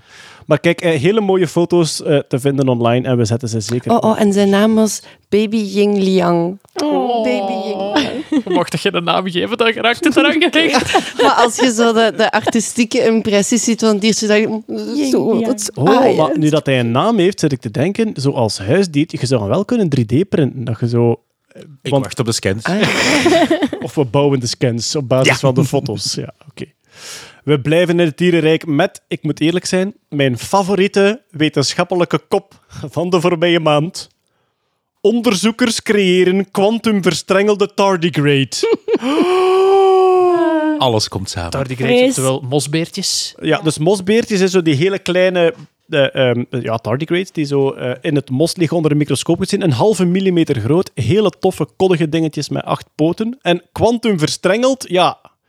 Kwantumverstrengeling, je kan eh, twee fotonen of twee elektronen bij elkaar in de buurt brengen, waardoor die een eigenschap van elkaar overnemen. Maar die tonen ze nog niet aan de wereld. Meer zelfs, eigenlijk bestaat die nog niet. Ik word nu heel wollig, maar het kan niet anders. Het gaat over kwantummechanica. En als die twee dan verstrengeld zijn met elkaar en je brengt die heel ver uit elkaar en je kijkt naar de ene eigenschap, dan is de andere altijd exact hetzelfde. Dat is kwantumverstrengeling. En dus, onderzoekers beweren dat ze een tardigrade, dus kwantumverstrengeling is typisch iets wat zich afspeelt bij subatomaire deeltjes, en waarvan soms al eens beweerd wordt, we hebben dat met een heel atoom gedaan, of zelfs met een molecuul. En nu beweren onderzoekers, we hebben een volledige tardigrade, een meercellig levend wezen, kwantumverstrengeld met een qubit van een kwantumcomputer. Marian, wat zegt jouw kritische computerblik? We hebben een jingle nodig. Ik hoop de jingle... Amai, dat is allemaal waar. Wat een magisch nieuws. Sorry. Nee, nee, Marianne. Welke is het? Publication bias van de. You are fake news. Oh, publication bias! Niet met de tardigrade. Sorry. Het Jingle. is eigenlijk spijtig voor de tardigrade. Wat hebben ze eigenlijk gedaan, Marianne, de Er zijn heel veel onderzoekers samen, mensen van Denemarken en van Oxford en van Singapore. Dus als je de paper bekijkt, op het eerste zicht denk je, oh ja. Maar dan beginnen hun uitspraken wel te komen. Ze zeggen, ja, we hebben kwantumelektronica samengebracht met iets levend. Dat wil eigenlijk zeggen, de small, de cold en de controlled is nu gecombineerd met de wet en de hot. Dat is het levend wezen, hè? Is, Ah ja, zo. Ja. dat is, Ingeborg een van de co-auteurs? Want zo klinkt het wel. Dus ja, dan, Sexy dan was het al eh, een beetje vreemder. Maar oké, wat hebben ze gedaan? Ze hebben twee qubits gemaakt, een systeem met twee qubits, ehm, waar dat je de, de, Quantum de bits. quantum bit hebt. Ja. En daar blijkbaar, ik ben geen quantum expert, maar er zit een capaciteit eh, naast elke quantum bit. En hoe ze dan typisch gaan zien dat die entangled zijn, is ze gaan het systeem in resonantie brengen. En naar gelang de entanglement hebben die verschillende modes. En kan je eigenlijk die resonans, aan die resonantiemodi kan je zien of ze entangled zijn of niet. Ja, wel, ja, qubits, dus, dus de bit die klassiek 0 en 1 is. In een quantumcomputer wil je een systeem bouwen waarin dat, dat een superpositie van verschillende mogelijkheden kan zijn. En dat hoeft daarom geen deeltje te zijn. Dat kan ook een circuit zijn of een Majorana pseudodeeltje of iets Ja. gelijkaardigs. Wat ze nu gedaan hebben, is ze hebben een tardigrade heel erg in zijn cryptobiosis gebracht. Dus dat is dat die zo heel koud wordt en in een soort van, ja, slaap is het niet, maar een soort van, ja, dus die cryptobiosis staat komt. En dan hebben ze die ingebracht of eh, verbonden met die, een van die capaciteiten van die quantum bits. Ze hebben die eigenlijk, een soort van dielektricum van die capaciteit, wordt was dan die tardigrade. En dan hebben ze dat systeem eigenlijk ehm, opnieuw beginnen testen naar entanglement en hebben ze gezien dat ze geen systeem, een bipartite systeem hebben, maar een systeem met twee quantum bits, maar dat ze meer oscillatiemodi hadden, waardoor het een tripart, of zich gedroeg als een tripartite systeem, een systeem waar je drie ehm, qubits zou hebben. En ze zeggen dus de tardigrade is de derde qubit. Oh, oké. Maar wacht, ze hebben die ingebracht in dat systeem Ja, door letterlijk een deel te vervangen. Dat is gelijk dat ik zeg Ja, je van, hebt eigenlijk- in deze elektronische schakeling vervang ik alle weerstanden door Nee, nee, ezels. dus je hebt een capaciteit, dat zijn twee platen, Ja. en ze hebben die tardigrade tussen die twee platen ja, ja. gehangen. De critici zeggen... Ze hebben een bevroren hamster op de harde schijf van een computer gelegd. Dan hebben ze met die computer een mail verzonden. En dan hebben ze gezegd, we hebben een levend wezen verbonden met het internet. Dat is... Dat is Ja, wat de hoe dat ze ja. het eigenlijk ook zeggen. Je hebt eigenlijk bevroren water in een capaciteit gebracht, is die, die elektricum van je capaciteit. En dan heb je gezegd, die oscillatiefrequentie is verschoven. Wat redelijk logisch is, doordat je daar een ander materiaal in brengt. En dan zeggen ze, dus het ding dat ik heb ingebracht is mee entangled. Ja, ja, ja. Enfin, wel, ja, Vreemd. er is misschien een deel van het publiek voor wie dat wel een tijdje eh, Latijn aan, het praten zijn. Ehm, ja, waar het dus voornamelijk op neerkomt, kwantumverstrengeling is echt wel iets heel cool. Hè. is een van de hele coole effecten van de kwantummechanica. Ehm, het, typische verhaaltje van eh, de kat van Schrödinger, ja, dat valt nog een beetje buiten entanglement. Maar dus bij de kat van Schrödinger wordt er gezegd, vanaf dat je een doos zou kunnen compleet afsluiten van de werkelijkheid, wat dat bij een gewone doos niet zo is, hè, want je hoort daar nog van alles door en gelijk wat. Maar als je een doos zou kunnen afsluiten van de werkelijkheid en je stopt daar een kat in, met een bepaald vervallend radioactief deeltje dat een gif kan activeren of niet, dan zou er een superpositie moeten ontstaan. Een toestand waarin de kat in de doos zowel dood als levend is. Dat is de kat van Schrödinger. Een gedachtenexperiment dat eigenlijk verzonnen is om de kwantummechanica aan te vallen. Om te zeggen, dit kan niet kloppen, want dan zouden we dode en levende katten tegelijk kunnen maken. Bon, het is complexer dan dat. Maar er, werd, eh, er zijn uiteraard al een paar eh, memes verschenen met eh, de tardigrade van Schrödinger. Schrödinger's tardigrade. Dus dat is. doet er eigenlijk niet toe. Ze hadden gewoon een klein lijkje nodig Natuurlijk. dat water... Ja, ja, een lijkje, pas op, ze hebben dat met drie tardigrades gedaan. Ze hebben die wel moeten afkoelen, of ze hebben die afgekoeld tot het koudste dat ze ooit een tardigrade hebben gebracht. Namelijk Ja. 10 maar- millikelvin. Maar waarom? Ja, ja, ja. Maar dan Maar heeft dat- één Millikelvin. Dat is wel millikelvin. cool. Dat is wel Dat is heel koud. Zo koud hebben ze Ja, ja. nog nooit gedaan. En ze hebben die dan later heel traag terug opgewarmd. En er heeft één van de drie het overleefd. Dus Maar- ze zeggen dat is de eerste levende wezen ooit dat het overleefd Dus heeft het om in is- entanglement te Het zijn is geweest. wel een heel cool wetenschappelijk nee, experiment vanwege die reden Maar eigenlijk. er zijn, echt, er zijn coole aspecten aan. Want inderdaad, die, die tardigrades afkoelen tot 10 millikelvin is ongelooflijk. Dat Wat- is het coole. dan. wat, wat die dan eigenlijk Ja, doen dat is... is wel heel cool, ja. Dus dat zijn zo rondwandelende diertjes. Wat die dan eigenlijk doen is, die trekken al hun ledematen in, die laten al hun water los en die worden een soort hardkorrel, Rozijntje. een hard korreltje, de, de, de toen state, want het lijkt, het lijkt op een tonneke. En die worden compleet inactief. Ja, zo goed als zeker op 10 millikelvin ook neurologisch en valt alles stil. En die kunnen hun biologie terug opstarten vanuit stilstand. Wat dat uniek, allee, ja, wat uniek is het niet, maar voor, voor ons als mens is het Ja, onvoorstelbaar. Het is, het, is ook, het is 10 millikelvin en ook eh 6 maal 10 tot de min zesde bar. Dus het is een microbar. Heel heel druk. lage druk. Bijna vacuüm. En ja, die overleven dat. wat. Dat is Ja. wel cool. En ze wisten dat al wel, maar zo laag in temperatuur waren ze nog niet geweest. Maar, En als die wakker worden, wat is er gebeurd? Waarom is dat hier nat?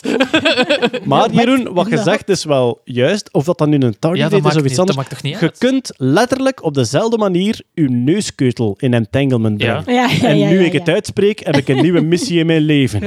Als er mensen werken in de quantum computing technologie van Delft, ik bied mijn neuskeutel aan om in entanglement te gaan en daarna verkoop ik hem als NFT. Echt waar. Gaat dan verder, gewoon. direct, direct een zaadcel of zo? Echt zo er nog wat, nog wat weird, weirdness bij kwakken. hè? Ja, en daar dan nog een kind mee Ja. verwekken. Oeh, ja. Dat is het eerste quantum Quantum entangelde kind. Ja, voilà. Ja. Oh my. Maar dus kwantumverstrengelde... ta- wa- Trouwens, Mijn hoofd is even aan het... eh, wat dat ook, wat ook wel cool was, waar hebben ze de tardigrades gehaald Ja, voor ja, het ja, ja. onderzoek? Tof, ik weet het. Waar, Marianne? In de dakgoten van Denemarken. Ja, in de dakgoot van het onderzoekscentrum zijn ze een tardigrade gaan zoeken. You are the chosen one. You will be entangled. Dat beest was gewoon blij in die Ja. dakgoot. een dag later, Allee, weer min al 10 die dikke millikelvin. Ja. in de plas. Ja, dat is een beetje hoe de Sovjets zo de hondjes gingen van de Oh, straat ja. plukken Oh, voor ja. in raketten steken, maar nu doen ze het dus ook met tardigrades. Ik heb een Ja. docu gezien. Space Dogs, over alle hondjes die de Russen de ruimte niet Ja, geschoten hebben. En het is zo sad. Heel Dus nu nieuwe docu, Quantum Tardigrades. Oh. Kijk in hun trieste ogen. ja. Kijk, voilà. Ehm, het is heel jammer dat het een publication bias is, maar het blijft mijn favoriete wetenschapskop. Onderzoekers creëren kwantumverstrengelde tardigrade. Pum, pum, pam. Ik voel ook... Het is zo'n goede titel voor een animatiereeks of zo. Kwantumverstrengelde tardigrade. Unite! Combine! Ja, Het is wel zo'n nerdgasm, ja. dat is. Alright, Kurt. Ja. Eh, Apple heeft al een tijdje een bepaald eh, gadget in verkoop. Een, een jaar is het nu, denk ik. De Eh, ja, zoiets ongeveer, ja. de AirTags. Dus AirTags zijn eigenlijk eh, witte schijfjes en die kan je dan je kunt die gewoon vinden online, daar komt Ja. het op neer. En dan kunnen die ver- ver- je kunt die aan je rugzak Ja, hangen van voilà. je sleutels. Het is eigenlijk niet nieuw, het bestond al veel langer. Bijvoorbeeld Tile was zoiets. Eigenlijk is het een, een klein Bluetooth-device dat constant verbinding maakt met je telefoon of met je smartphone of whatever. En op het moment dat die ver- Bluetooth-verbinding verbroken is, dan krijg je op je telefoon een melding van hey, je hebt je sleutels. Je hebt ze niet meegepakt, je bent dan in je jas aan het vullen en verder. Nu, heel tof. En Apple doet er dan wat extra dingen bij, want je kunt je natuurlijk in heel hun eh, assortiment gaan tracken. Ehm, maar ze doen er ook nog een aantal extra dingen mee die daar ehm, nu misbruikt worden meer en meer door stalkers. Want, wat doet dat ding? Dus dat ding heeft Bluetooth en een GPS-tracker, maar geen internetverbinding. Dus dat gebruikt eigenlijk uw telefoon om een internetverbinding te maken. Want Bluetooth werkt op 20 meter ongeveer. Ja. Ehm, die GPS-data die logt dat wel een tijd en zo, maar die moet dat natuurlijk op een manier doorsturen naar de telefoon van de persoon die dat zijn een AirTag verloren is. Wat doet hij dan? Die zoekt gewoon naar iPhones in de buurt. Als jij met een iPhone in de buurt komt, maakt die verbinding en gebruikt hij uw iPhone even als hey, hiermee kan ik op het internet. En die stuurt ponk, heel snel zijn GPS-coördinaten door. En dus de reden dat dat kan, is omdat Apple zijn eigen systeem Yep. volledig in een bunker gebouwd heeft en zich dus eigenlijk permitteert, wij gaan ook alle toestellen gebruiken die we verkocht hebben. Ja, omdat ze een heel ecosysteem verkopen aan toestellen. En dat zij eigenlijk op die manier dat eh, ja, ter goede trouw. Er zit natuurlijk wel een filosofie achter van dat dat goed is, want dan kunt jij, ook al heb je natuurlijk geen verbinding tussen je AirTag en je telefoon, kun je toch traceren of lokaliseren waar uw AirTag is. Ah, wel, ik heb... ehm, eh, ik heb Zolang hier dat er een- dus een telefoon, een iPhone in de buurt passeert, weet Ja. je wat dat is. Ik heb hier een, een, een kat op asiel hè, van een vriendin die op een te klein appartement woonde voor die zeer wilde kat. En die is hier even, tot als die een ander huis heeft met een hof. Die is een keer weggelopen. Wat dat grote paniek gaf bij ons, omdat ja, de kat van ons vriendin is weg en ook bij de vriendin. Dus wij hebben voor die kat een halsbandje gekocht met een tracker aan. Ja. Alleen, die werkt niet op het gsm-netwerk, maar er is een soort nieuw netwerk. Laura, nee? Ja, het zou kunnen. Flora, ja. Zo'n soort heel lage data. Je kunt er maar heel ja. weinig data mee versturen, Ja. maar het werkt wel over intussen al heel België.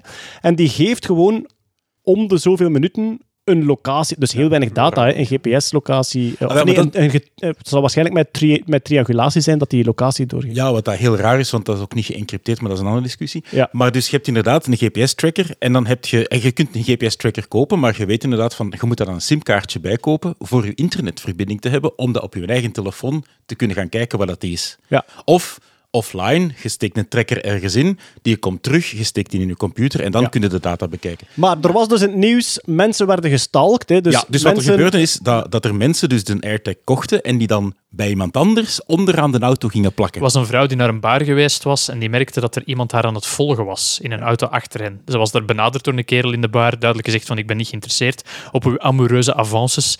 Eh, en wat bleek? Ja, die kerel had aan de binnenkant van haar wielbak, dus dat, dat, dat stuk wielbak, ik ken niks van auto's, het, het dik waar je wiel in zit, had hij zo'n AirTag geplakt. Maar Eh. wat, wat die persoon doet, dat kon al lang met alle andere toepassingen die er waren. Er is een extra feature van Apple blijkbaar. Als je zelf een iPhone hebt en die merkt Ja. iemand anders zijn een AirTag Ja. blijft verdacht vaak in de buurt van u, Ja. dan krijg je een waarschuwing. Ik. Dus op die manier ze het Ja. getraceerd hebben, inderdaad. Ja. ja, het is een beetje zo de afweging van, ja, het is een handige feature, maar ja, je zit wel privacy-gewijs op een Ja, is heel grote scary. lijn dat je erover Dan gaat gaan, die, dan gaan die vrouwen naar de politie. Ja, ik krijg hier de boodschap dat er een AirTag mij al drie dagen aan het volgen is. Begint dan eens te zoeken. Ah, wel, maar ze Soms hebben er, vonden ze hem niet, hè? ja, ze hebben er één gevonden en één niet. Ja. Bij één van de, want het waren twee meldingen. En bij één van die vrouwen hebben ze die gevonden in die wielkas. En bij de andere hebben ze die niet gevonden. Is die ook na een tijdje terug verdwenen. Dus waarschijnlijk s'nachts opgehaald. Maar kijk, dat soort dingen kan ook met alle andere toepassingen. De grote extra van die Apple AirTag is dat hij, als ik geen AirTag heb en ik wandel door Gent, kan het zijn dat mijn telefoon een keer of tien gebruikt wordt Ja. om Kan. online te gaan door AirTags die ik passeer. En de vraag is dan, ben ik daar oké mee of niet? Ja, en vooral het ding is, dat zal waarschijnlijk ergens in de gebruiksvoorwaarden van uw iPhone, in die miljoenen 37 bladzijden, gaat pagina's, waarschijnlijk ja. ergens staan dat je daar onrechtstreeks toelating voor Ik heb aangeklikt dat ik die gelezen heb. Ja, maar daar is een oplossing voor. Aha, nog een Ja, wetenschapsnieuwsje. voilà. Ja, ja, en dat is wel... ehm, want dat is een probleem dat iedereen... Ah ja, een probleem, het is een first world problem uiteraard, maar het is wel een probleem waar we helemaal geconfronteerd worden. Niemand leest die. Waarom niet? Daar is onderzoek naar gedaan. Stel dat je in een gewoon leven van een mens, als je een jaar bezig bent op een computer, als je die allemaal zou lezen, dan zou het je 67 werkdagen kosten. Op een jaar Plus, je zou het niet eens snappen. Want de complexiteit van die dingen zorgt ervoor dat je eigenlijk 14,67 jaar van studie nodig hebt om alles te snappen wat er in die dingen gestaan wordt. In de, de Ah, Terms and. Agreements van iTunes staat expliciet ergens dat je het niet mocht gebruiken bij de ontwikkeling van nucleaire wapens. Zo een of andere veel te specifieke clausule van niet Voilà. doen. Voilà, en, dan, en, ja, en het derde is, ja, niemand leest dat, want ja, we willen die dingetjes, we hebben net een nieuwe iPhone gekocht, we willen dat wel gebruiken uiteraard. En er is een oplossing voor. En Jeroen, ja, ik weet het is een boetade, maar het is AI. Sorry daarvoor. Oh ja, Doe maar, ja. En dat is een website www.iagree.ai. Het is nog in beta, spijtig genoeg. Ik heb mijn kandidaat gesteld, ik heb het nog niet kunnen testen. Maar die bieden gewoon een browser-plugin aan. Die dat de terms and conditions eigenlijk leest van de dingen die dat passeren en dan eigenlijk highlight. Dit is belangrijk om te lezen, dit is gewoon crap dat je kunt overslagen. Ja. Waardoor dat je misschien wel zo'n dingen ziet van ja, dus AirTag, die dingetjes geven nu ook toelating als je een iPhone Dus die proberen echt te filteren waar ga je, waar ga je wel bezwaar tegen hebben. Ja. In plaats van ik ga geen nucleaire wapens maken in voormalige Sovjet-staten. Nee, ja, inderdaad. Ah, oké. Eh, I agree AI.ai? Ja, iAgree.ai. Alright, verder in softwareland. Om de zoveel tijd duikt er weer eens een vulnerability of een hack op. En eh, ja, deze maand was het de beurt aan Log4j. Ja, dat is een logging eh, library voor Java. Maar dus wat, wat er gebeurde was, opeens waren de cybersecurity specialisten, die staken allemaal hun handen in de lucht en die zeiden, jongens, probleempje, dit is een van de grootste kwetsbaarheden die we ooit gezien hebben op software die bijna overal zit. Dat ging over Dat is het- Log4j. Wat is het? Wat doet het? Log4j is een library, dus in softwareontwikkeling vind je niet telkens het wiel opnieuw uit. Je steunt op dingen die andere mensen geschreven hebben, vaak open source. En Log4j is een library die je toestaat om logberichten weg te schrijven. Ik heb bestand A geopend, ik heb bestand B geopend, ik ben gestart om dat uur, ik ben gestopt om dat uur. Het, het logboek van Het logboek van een activiteiten op een server of gelijk. Dat is enorm populair, draait op heel veel plekken over de hele wereld, is ook al zeer oud. Wat blijkt nu, een van de functionaliteiten van dat wegloggen stond je toe om een verbinding te maken met een externe server, van die externe server code te laden en die uit te voeren op de plek waar je dus weglogde. Waarom? Dus Waarom? Omdat er variabelen in het logboek moesten kunnen staan. De gebru- huidige gebruiker schrijft weg. Lang verhaal kort, het kwam erop neer dat iedereen overal probeerde te kijken van oké, dit bericht wordt ergens weggeschreven in een logboek, kan ik code uitvoeren om mij terug te contacteren? Zo weet ik dat er ergens diep in dat bedrijf ergens een kwetsbare Log4j-instantie eh, draait. Eigenlijk het belangrijkste dat je van het hele verhaal moet onthouden is, we steunen met z'n allen ongelooflijk veel op open source software, die heel vaak gewoon geschreven wordt door drie kerels ergens. Ah, wel, dus je zei net, Ja. je moet niet telkens het wiel uitvinden. Stel, je bent een programmeur en je wilt een auto bouwen. Ja. Je, je weet dan online, er bestaan er, besta- er bestaan wielen die andere mensen gedaan hebben. En jij mag die gebruiken van hen. Dus je kunt die gewoon kopiëren en je zegt van, ik definieer mijn auto. Wiel haal ik ergens online open source en ik zet daar wiel, daar wiel, daar wiel, daar wiel. Maar als er in dat wiel een kwetsbaarheid zit, waardoor iemand van op afstand het wiel kan laten exploderen, dan heb jij ook een probleem met je auto. Een van de dat in alle auto's. Hè? Want Ja. iedereen gebruikt dan dat wiel. Natuurlijk, hè. want het is, iedereen gebruikt. Een van de beste voorbeelden is de tijdzone-data over de hele wereld. Er is één kerel in Zwitserland en die beheert TZ-data. Dat is een Linux-package en dat is iets enorm saai om te schrijven. Je bent software aan het schrijven en je wilt gewoon de huidige tijd in de juiste tijdzone. Je wilt niet een gigantische if-test schrijven van ben ik in Zimbabwe, ben ik in Nepal, want daar is het drie kwartier bij, daar is het drie kwartier minder. Dus wat doet je? Je laat een library in om met tijdzone-data bezig te zijn. Dat is ene kerel in Zwitserland die de kranten afspeurt op. Zijn er nog landen die iets aan hun tijdzones veranderd hebben? En die past dat aan. Maar er is ongelooflijk veel software in uw auto, in Spotify, in weet ik veel wat, die voor zoiets saai, want ja, oké, dat is niet het meest hippe, coole ding om te schrijven. Hè. Welke tijdzone ben ik? Die dat daarop steunen. Als die ene kerel in Zwitserland doodvalt of een fout maakt, dan zitten we met een probleem. Maar ik, ik was daar eigenlijk van verwonderd, want exact wat jij nu uitlegt was heel zichtbaar in memes. XKCD heeft er een paar Ja. cartoons over gemaakt, heeft een hele schone gemaakt van een soort groot blokken torentje. Ja. En als je een paar lagen naar beneden ging, zag je helemaal onderaan was er één blokje aan de zijkant echt cruciaal. En als je dat ging weghalen, ging Ja. alles instorten. En die zei van, kijk, dat soort dingen, dat zijn gratis open source softwarepakketjes die er door drie man in een living onderhouden worden, gewoon wat ze tof vinden. Een andere tweet die ik gezien heb is, je begint met programmeren en je merkt dat iedereen Runk gebruikt. En Runk is eh, Ronalds universele number counter. En blijkbaar worden alle getallen over de hele wereld geschreven door Ronald in zijn vrije tijd. En iedereen vertrouwt daarop, totdat er een fout zit in Runk. En Ronald is op vakantie. Maar is dat zo, als je, als je programmeert, dat je eigenlijk Heel ma- vaak je- mindlessly dingen moet Ja, gebruiken absoluut, van maar elders? ieder- Omdat je dat ook uit tutorials haalt. Hè. Je zegt, als je Ja. met tijdzone data wilt werken, zeg je import tijdzone data. En dan is die complexiteit achter u. Dan is dat van, ik weet nu dat ik in die variabele de juiste tijd heb Maar zitten. het gaat, het gaat zelfs verder. Het is niet alleen pakketjes die dat je bijvoorbeeld mee, als je in, in Node schrijft, eh, npm install, dan installeert je gewoon een pakketje en dat is een open source pakket, maar dat pakket gaat op zijn eigen nog een keer, steunt dat verder ja. op Ja, andere ja, ja. pakketten. Want er is zo'n tijd geleden, waren er heel veel websites in JavaScript die gewoon plat waren, omdat er één pakketje dat eigenlijk op zich niks deed, maar waar andere pakketjes afhankelijk waren die dat wel iets deden. En dat ene pakketje was, dat was een- een beeld en er was iets corrupt gegaan, namelijk die drie man in de living die dat een beetje te veel pintjes gedronken had. Ik weet het Ja. niet juist, maar er zat een bug in en die was gepublished. En gewoon alle websites hadden die een bug... Ah ja, heel veel websites dat die dat, dat pakketje onbewust gebruikten, omdat ze dat nodig hadden, die eh, gewoon ineens een bug hadden en gewoon stukken JavaScript die gewoon niet meer werkten. Daar, daar is nu een beetje een discussie voor. Heel veel bedrijven steunen op open source, maar er is vaak geen beweging terug. Eh, een Intel, een AMD, eh, een Tesla bijvoorbeeld, die steunen op open source, maar er is vaak geen beweging terug om die originele ontwikkelaars van dat project te ondersteunen en mee eraan kwaliteitscontrole over te doen. Zeker op saaie dingen zoals een logging library. Ja. Dat is, allee, dat is iets dat gewoon verondersteld wordt te werken en niet meer over nagedacht wordt. Is het zelfs te doen om een overzicht te houden op waar dat je overal op steunt? Nee. Nee.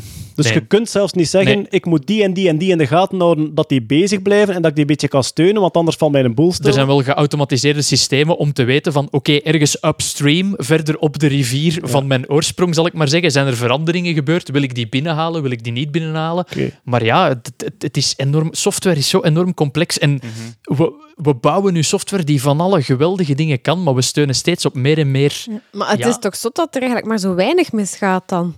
Ja. Eigenlijk ook wel. Ja. Vinden dat Ja, nu dat je het zo bekijkt, Ah, ja. wel, Ja. inderdaad. Ja. Maar ik had zelfs gelezen, vaak weten bedrijven niet dat zij met die Nee. log 4j werken. Bijvoorbeeld Een bedrijf vroeg zich af, ben ik nu vulnerable?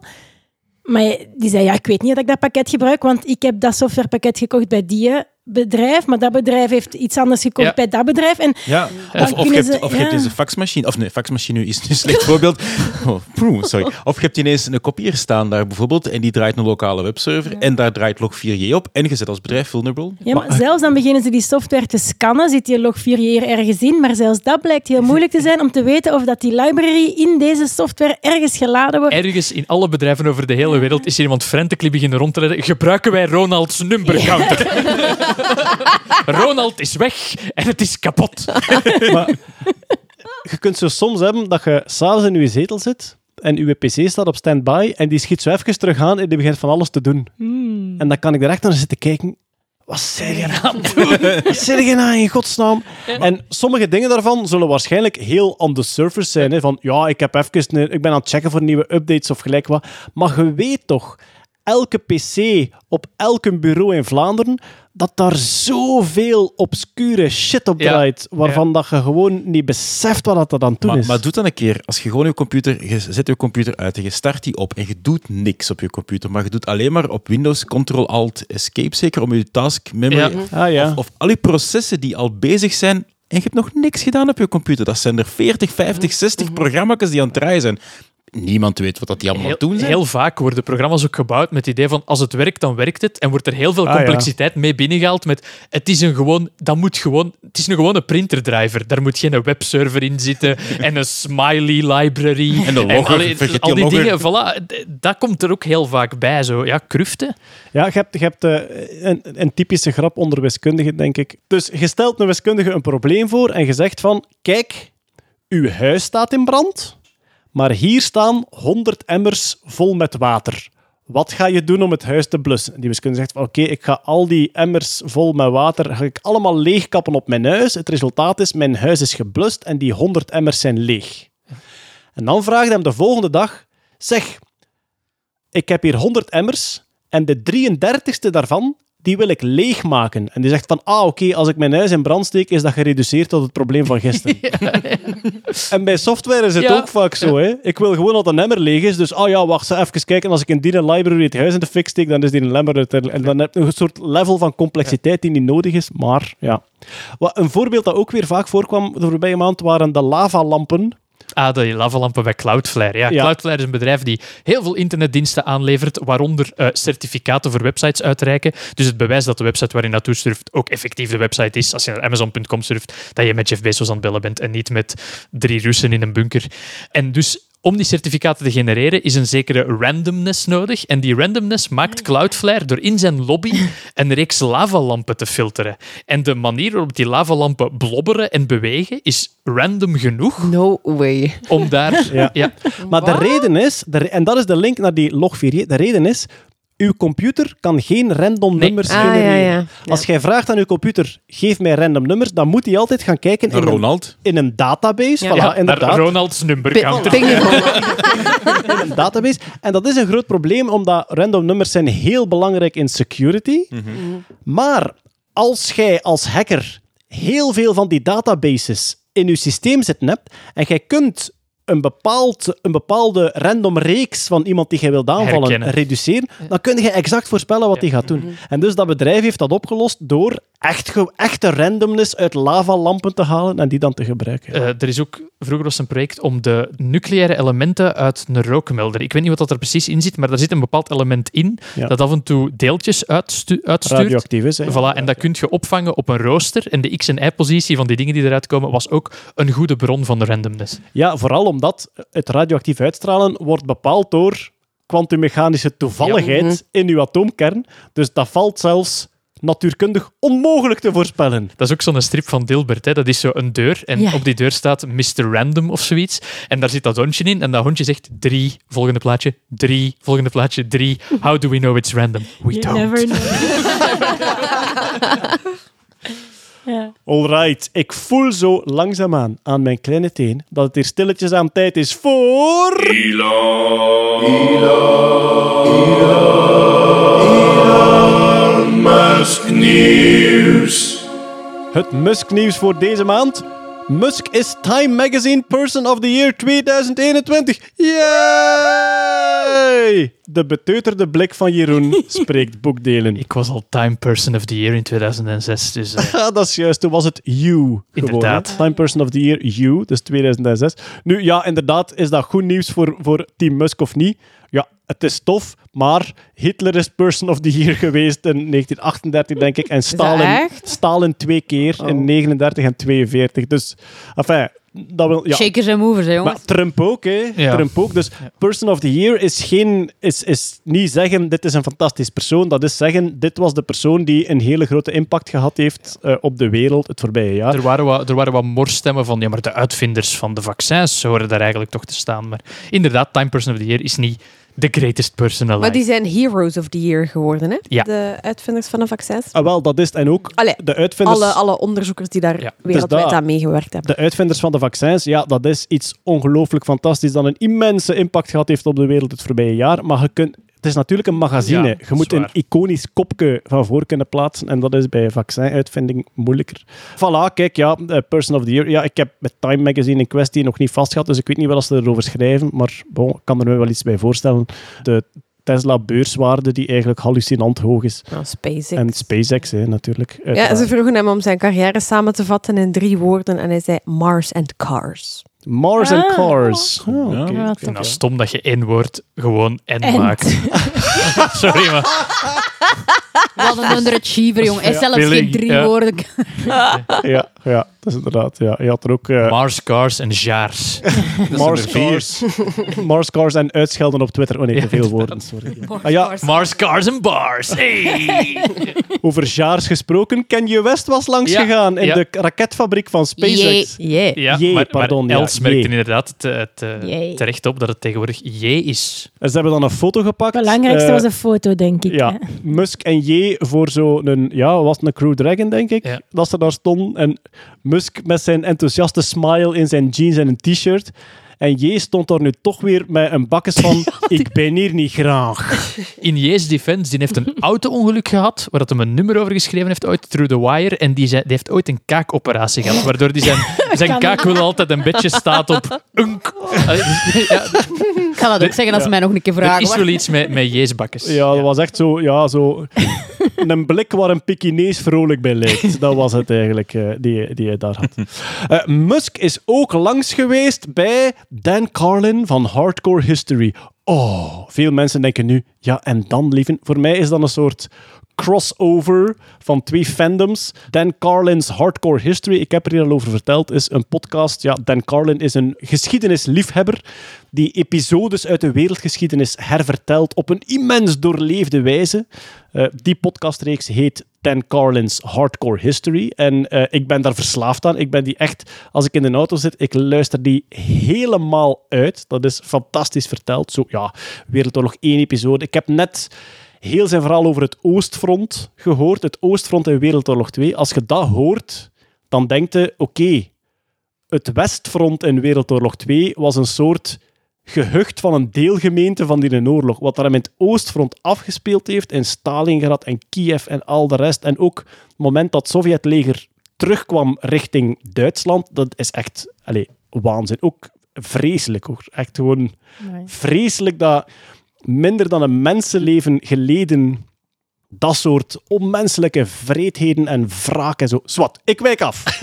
Je hoorde het, je, je hoorde het hier eens, luisteraars. Wereldoorlog 2. We, we zaten hier zo, dus ja, het is ja. allemaal zo... Oké. Oh. Ja, maar nee, maar dat, ik vind dat echt De een aanrader. vertellen. Ik ben echt, maar ik ben begonnen van zijn Nou, Ik ben begonnen van zijn eerste aflevering en dat is goh, 15 jaar geleden of zo. En ja, ik ben nu aan het inhalen en het is geweldig verslavend. Maar die heeft ook nog een aparte podcastreeks, Hardcore History Addendum. Dus waar dat hij dan interviews doet met mensen. En hij had nu een interview met Musk over ehm, eh, eh, eh, engineering in wartime. Dus did the engineers win the war? En dat gaat van heel vroeg terug. Betere zwaarden, betere speren, beter afgerichte paarden bijvoorbeeld. En dat gaat dan tot heel recent natuurlijk. Hè. De atoombommen, ze hebben een discussie over. Hadden de Duitsers de atoombom eerst gehad, waren zij dan gewonnen? En Musk zegt gewoon binnen een seconde ja. En dan is daar wat discussie over. Goed, wat kan ik zeggen over die podcast? Niet zo boeiend. Dat thema doet me een beetje denken als als je nu Discovery Channel opzet op een dag, is het 9 kansen op de 10 Hitler's War Machine. Nee, dat is Canvas, dat is al- Canvas. Dat is altijd... Nee, maar ze hebben ook... eh, Hitler was na een tijdje zodanig een beetje opgebruikt in documentaires dat ze altijd naar de, de puntje-puntje van Hitler gingen. Ja, ja. De handlangers van Hitler. De architect de van Hitler. vrouwen van Hitler. De Ja, ja, ja. architecten. De huisdieren van Hitler. De lievelingskost van Hitler. Ja, maar, ja, maar het was, zo, het was zo een beetje van alles. Maar dus, ehm, ik vond de aflevering niet zo boeiend. Ik heb ze uitgeluisterd. Wat is er allemaal niet zo leuk aan? Musk belt in met een slechte internetverbinding. Ah. En ze hapert constant. Het grappige is, je weet, en letterlijk, hè, je weet nooit of het de internetverbinding is of Musk zelf die aan het hakkelen is. Ja, Dus, yeah, so that what what what they that's an ama- amazing plane. It, they build a really, an, an, an, amazing plane. En je weet nooit of dat ja, waar waar dat. Starlink. ja, inderdaad. Ja, waar dat, dat, dat de lijk juist zit. Om er helemaal de roddelrubriek van het Nerdland maandoverzicht van te maken. Ergens in de podcast zijn er babygeluidjes te horen. En zegt Musk, uh, sorry about the, the baby sounds, but little, little X is here. Dus eh Xaya X1238 V- de Mora de Aragon, die is effectief te horen in de podcast. En hij noemt, hij noemt nu Little X. Little X. Hij zegt Little X, ja. Op dat moment zegt... En denk dat Hoe oud is Grimes- dat kind? Is dat nog altijd een baby? Nee, Oei, want die was oei, mee ja. op de uitreiking van Time Person of the Year. Zat op zijn schoot. Ah, is Werd dat geïnterviewd? Of- Ah, ja. ja. Dat is de eerste keer dat een Musk zag. En wat hij ook... Opeens begon hij echt door te drammen over etymologie. En begon hij zo woorden etymologisch te verklaren. Zoals Ja, ja, jij, zoals ja, jij dus inderdaad. eigenlijk. Ik ben, ik ben ook wel een beetje een etymologiefreak. Ah, wel, ik zal straks afsluiten met een etymologie, weet je. Maar dus, en hij begon zo wat door te drammen over etymologie. Zei, Yeah, yeah, and, and um, etymology is, is, is really great. And I, I, I've bought etymology.com. dus hij heeft onlangs etymology.com gekocht. Really? Als je daar nu naartoe surft, dan zie je een emoticon van een appelsien. En dat is alles. Maar hij is dus van plan om daar van alles op te zetten. En ja, kijk, Musk bij Hardcore History. Ik zou denken, begin niet met die episode. Begin eerst met andere episodes van Hardcore History, zoals... Het Westfront. Nee, Death Throes of the Republic is een van mijn favorieten daarin. Dat Oostfront, dat was erg, maar zo'n uur naar Musk luisteren. En ik heb beloofd, ik ging afsluiten met een etymologie, weet je. Ja. In Wenen was er vroeger een koffiehuizencultuur. Mensen gingen naar koffiehuizen en allerlei koffiespecialiteiten. En het was heel belangrijk dat je kon duidelijk maken aan de persoon die je bediende welk soort koffie dat je wilde. Bijvoorbeeld hoeveel melk dat erbij moest. En als je melk bij koffie doet, ja, dan wordt ze lichter, wordt ze lichter bruin. Dus hadden ze in Wenen een systeem dat je de kleur waarin dat je je koffie wou, dus hoeveel melk dat erin moest, die kon je beschrijven aan de hand van de kleur van de pij van een bepaalde paterorde. Want dus, sommige paters hadden een zwarte pij, en dat was dan koffie zonder melk. Sommigen hadden een donkerbruine pij, sommigen hadden een lichtbruine pij. En je kon dus zeggen, geef mij mijn koffie in die orde.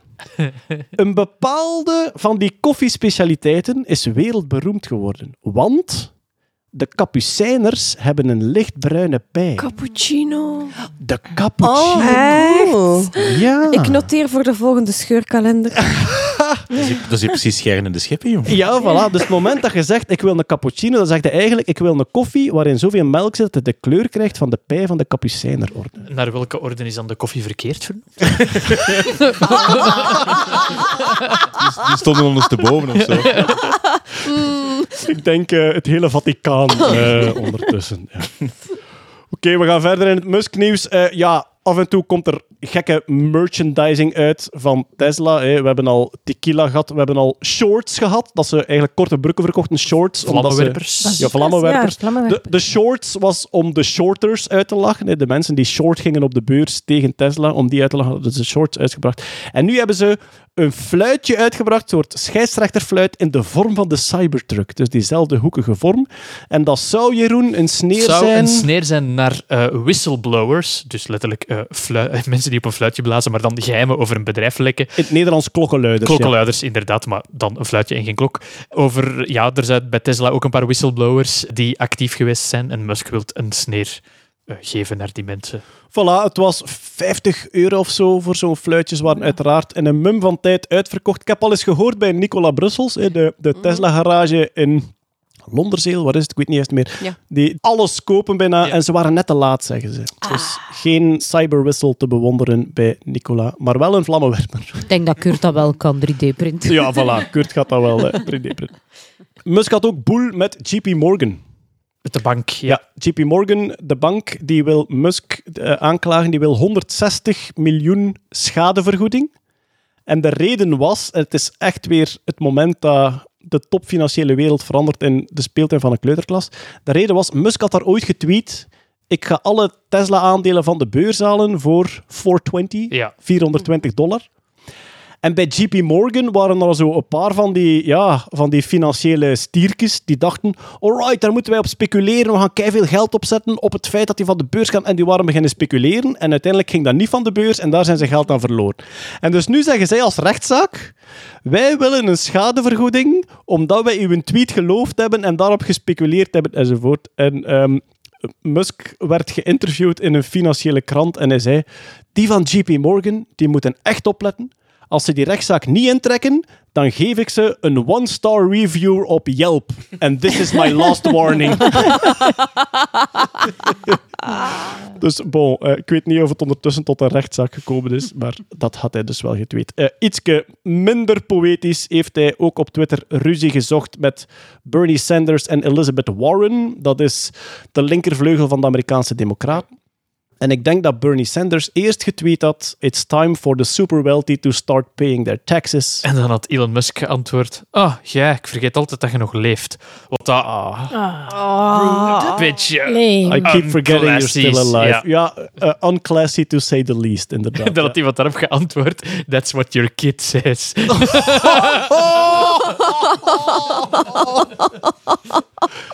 Ja, dat, dat zijn toch echt zijn, zijn eh, ja, minst fraaie momenten als hij zich daartoe laat verlagen eh, op Twitter. Oké, wat hebben we hier nog staan? Bezos en Branson zijn dan toch een astronaut, Hetty. Dan Wat? toch, ja, inderdaad. Wat is er gebeurd? Want we hebben het al een tijdje gehad over zijn die ruimtetoeristen nu astronauten of niet. En dan zeiden ze van ja, het is niet genoeg dat je omhoog gaat. Je moet ook een wezenlijke bijdrage leveren aan de ruimtevaart. Waarop hebben ze nu min of meer afgeklopt? Ja, wel, de FAA, hè, want daar gaat het allemaal over, die... eh, wat is het wel? Federal Aeronautics. Agency, ja, fijn. Zij die de commercial astronaut wings uitdelen, los van de NASA. Ja, ze, ze hebben eigenlijk jaren gezegd, ja, wij willen echt die commerciële ruimtevaart stimuleren en daardoor gaan wij ook spelletjes geven aan, aan mensen die met commerciële projecten tot in de ruimte gaan. Maar nu ja, begint dat toch allemaal een beetje veel te worden. En waar, waar hebben ze nu op afgeklopt? Dat de 15 die onlangs in de ruimte geweest zijn, dus er zijn twee raketten van Blue Origin naar boven Ja. gegaan met elk vier passagiers, dus dat is acht. Dan eh, met Richard Branson zijn, waren ze met drie. En met Elon Musk, met Inspiration Forum, eh, heeft hij vier burgers de ruimte gestuurd. Dus die 15 krijgen nog de astronaut wings, maar nu is het gedaan. Ah, oké. Ja, Dus van, meer. Ja. nog Eentje- één Eentje keer, om het af te leren. nog één keer, maar nu is het genoeg. Dus vanaf 1 januari eh, krijg je gewoon nog uw naam op een website en niet meer die, dat Maar dat wil, dat wil wel zeggen dat Nederland er officieel een astronaut bij heeft. Eh, de O- Olivier... O- Oliver eh, Danen, Oliver Da- ja, ja. Die mee was met die eerste Met Blue die- Origin. T- Eerste, ja, ja, ja. ja. Ja, ja. Met, met Jeff zelf. En William Shatner ook nog, die, mee de- was met de, tweede. derde of de tweede was. De tweede, Ja, denk ik. voilà. Ja. Ja. En Bezos en Branson zelf ook. Maar nu is... En die madame, hoe heet ze? ja, Wally, ja, Wally Wally, Funk. Funk. ook. Ja, inderdaad. Maar nu is het gedaan. nu is het echt gewoon gedaan. Maar ik zie daar wel een soort... Ja, het is een heel politieke beslissing. Het is heel arbitrair. Maar hoogstwaarschijnlijk het feit dat Bezos en Branson zelf ze dan wel krijgen, zal daar wel doorslaggevend in geweest zijn. Hè? Ja. Ja, oké. Yes. In wat voor een wereld leven wij, jongens? Jeff Bezos is een astronaut. Je moet daar echt even van gaan zitten. Allee. En ze hebben het ook op 80 kilometer gezet. Hè. Niet op 100, maar op 80. Dus, ja. Dat hij er nog bij zou zijn. Maar, ja, nee, dat is hun grens. En de- 50 de- miles. Ah, de echte 80... Ah nee, het is wel de, de miles. De 50 miles grens. dus hoeveel, hoeveel is dat dan precies? 80 80,47 kilometer. Nee, het die nee. 80,47. Maar, On my left side. Hetty. maar ja, Bijstas is een astronaut. Je moet je troosten met de gedachte, Jeroen, Dat hij ooit doodgaat? hij heeft de dampkring verlaten. Hij is Ja. even weg geweest. Sweet, sweet 10 minuten zonder. Ik zeg het, dat is de tijd dat die mensen in zijn warenhuizen naar de wc konden gaan. Ja, oké. Er is ook droevig nieuws uit het astronautenlandschap, Hetty. Ja. Ja, Hetty heeft helaas Wie het wordt er geen gekregen. astronaut? Nee, ja. Oh, wauw.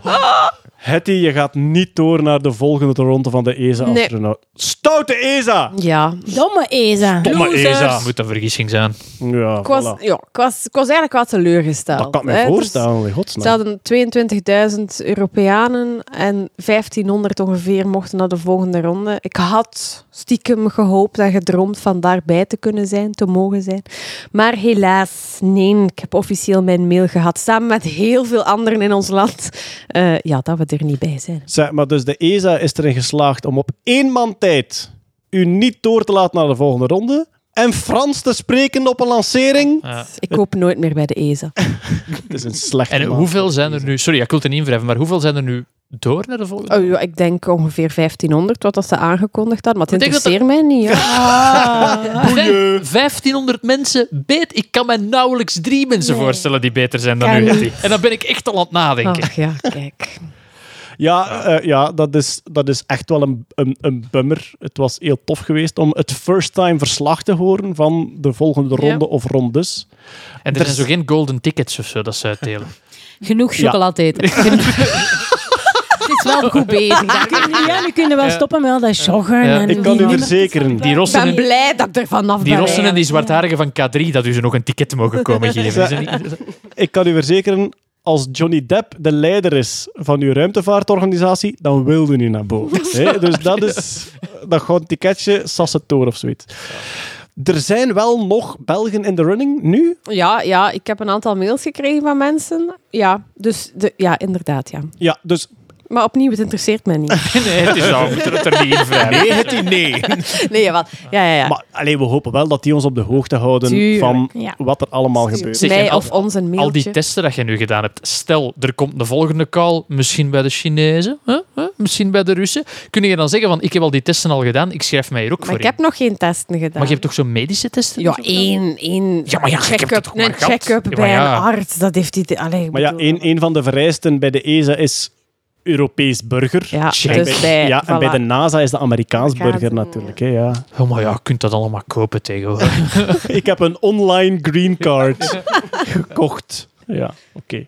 Nee, nee, ik ben heel benieuwd naar... eh, ja, inderdaad, als er Vlamingen of Belgen zijn, laat het ons weten. eh, sowieso. En naar eh, wie het dan wordt, hè. De Ja. komende... Ja. Ik denk zo van, ja, laat dat weten wie het dan wordt. Ja. Maar het een beetje voort, hè. Los van het feit dat het u niet interesseert, wanneer zijn de astronauten geselecteerd? Dus de laatste drie was het? Eh, vier. Vier à zes, zeggen ze. Eh, eh, herfst 2022 maken Ah, ze de, nieuwe selectie bekend. dat is, dus dus- ja, dat is de, de zevende golf zitten we dan. Ja, ja, voilà, ja. Ze mogen het hebben, hun zeven lelijke Fransozen. Maar dus over één jaar hebben we vier, nieuwe, ja, vier tot zes nieuwe namen ja, eigenlijk. nieuwe Oké. die dan hun training starten eigenlijk. Ja, ja, ja. Dan, eh, ja. En, en het zou geweldig zijn mocht daar een Belg of een Amai. Nederlander bij zitten. Hè. Nu, die Belgische Nederlanders... of Nederlandse. Een vrouw, voilà, ja. ja. inderdaad. Ja. Maar dus de, de, allee, die Nederlanders hebben nu al een nieuwe astronaut, maar Oliver Damen, hè, zo'n Fisher Prize astronaut, dan is de volgende is wel voor ons, hè? ons. hè. Voor Ja. ons, hè, Ja. zeg. Ja, maar Verdomme. kijk, ja, we moeten dat hier wel een keer goed bekijken. Oké, dat was het Musk-nieuws voor deze maand. Dan gaan we nu over tot onze populaire rubriek het lichtzinnig als kort nieuws gecatalogiseerde wetenschapsnieuws. Item 1. Marian, er is op wetenschappelijke wijze onderzoek gedaan naar een Engelse uitdrukking. In Engeland, als iets niet zo moeilijk is, dan zeggen ze, well, it's not rocket science. Of ze zeggen, well, it's not brain surgery. Ja. En dus dacht BMJ.com, een eh, medisch tijdschrift, die dachten, laat ons dat eens onderzoeken. Wat zijn eigenlijk de cognitieve capaciteiten van rocket scientists en van brain surgeons? Oh, serieus? En die hebben ze dan met een psychologisch onderzoek vergeleken om te kunnen zien welke uitdrukking de juiste was. Correct. Wat denken jullie? A brain surgery natuurlijk. Ja, brain surgery. Biologie. Ik zou ook, Ja. ik zou ook gokken Ik, brain. ik, ik, ik- dat zal ik voor de sport op de... Ik ga ook voor de rocket science. Ja, ik Dat is ook voor de rocket Dus wat science. ze gedaan Dat is hebben... echt vrouwen tegen mannen. niet. ja, ja, ja, ja. Nee, ja, ik ben ook wel nog meer voor de ingenieurs natuurlijk. mocht in ons clubje. Ja. Ze hebben de Great British Intelligence Test genomen. Dat is zo'n standaard... Dat is zo naast die tent van. Beek of zo. Ja. Dat is het, het minder swingende programma. Dan hebben ze via LinkedIn mensen gerecruiteerd. Oké. Onge- In totaal hadden ze een paar honderd aerospace engineers. hè, Dat was het ene kamp. En dan hadden ze 150 neurosurgeons, eh, hersenchirurgen, waarvan uiteindelijk na heel veel data-analyse en clean-up hadden ze van elke groep ongeveer de helft over. En die hebben ze dus verschillende klasses van testen voorgelegd. En ehm, zoals geheugen, en hoe goed zijn die in geheugens, hoe goed is uw mentale manipulatie, semantische probleem oplossen, alle klasses van problemen. En dan statistische analyses opgedaan. En wat zagen ze? Er waren minimale verschilletjes, maar eigenlijk heel klein. Zo konden de neurochirurgen iets beter semantische problemen aanpakken en konden de aerospace engineers iets beter mentale manipulatieproblemen of oefeningen oplossen. Maar het was maar een heel klein verschil en al de rest was ongeveer gelijk. Maar, nu komt de clue, ze hebben dat dan vergeleken met een statistische doorsnede van de hele bevolking. En dat was ook ongeveer hetzelfde. Dus je kunt, je kunt dat vervangen door van alles. It's not Ja. rocket science, it's not brain surgery, it's not mowing the lawn. Ja, ja. It's not cooking. Ja, wat ze wel zijn, is opvolgonderzoek is nodig om te Zoals zien altijd. welk beroep nu wel op een piedestalje mag geplaatst worden, maar het zijn niet die twee.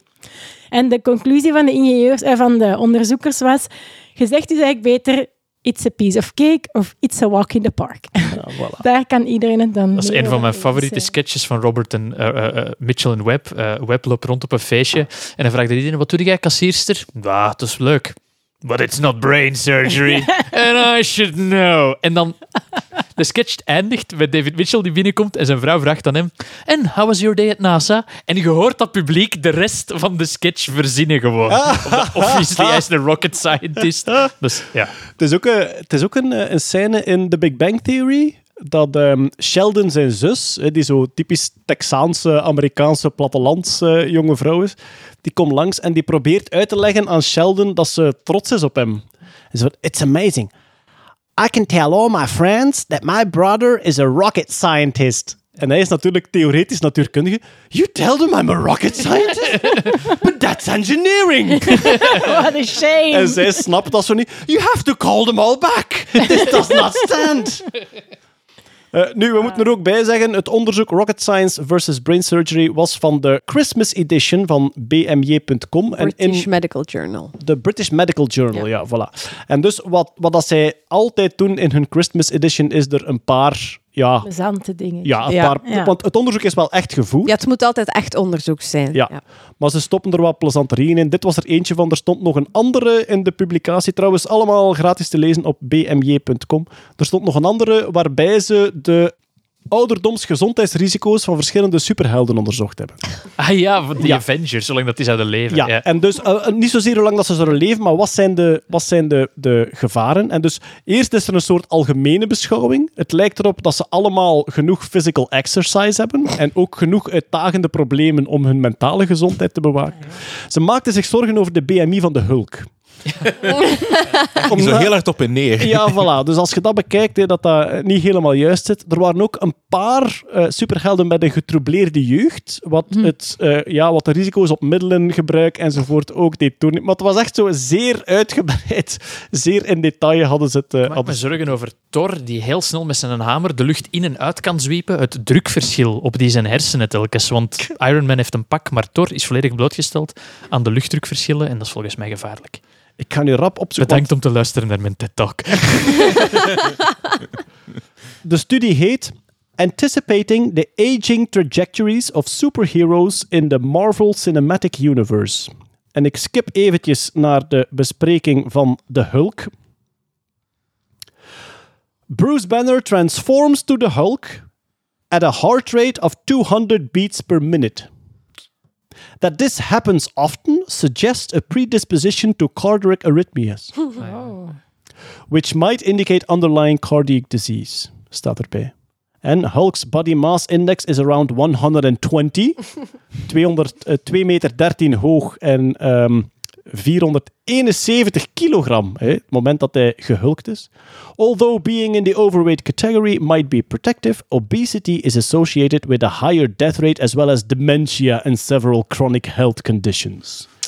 Wat is dus een uitgebreide bespreking. Van die BMI tijdens een eerste golf is er iemand in Engeland heel vroeg gevaccineerd, omdat er door een ingavefout zijn BMI 0,016 was. En die kerel wordt uitgenodigd omdat zijn lengte was fout ingegeven of zo. Dus die had een ridicuul laag BMI.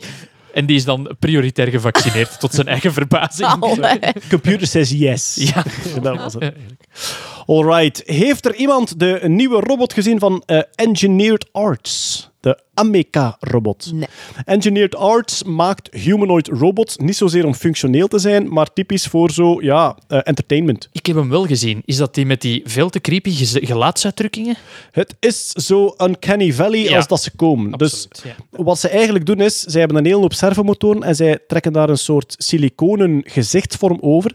En dan moet ik wel zeggen, met heel weinig servomotoren kunnen zij wel heel veel verschillende gelaatsuitdrukkingen. Want als, als ze die in een glimlach zetten, begint die huid ook te plooien op een manier die bijna natuurlijk is. En dat is natuurlijk de definitie van uncanny valley.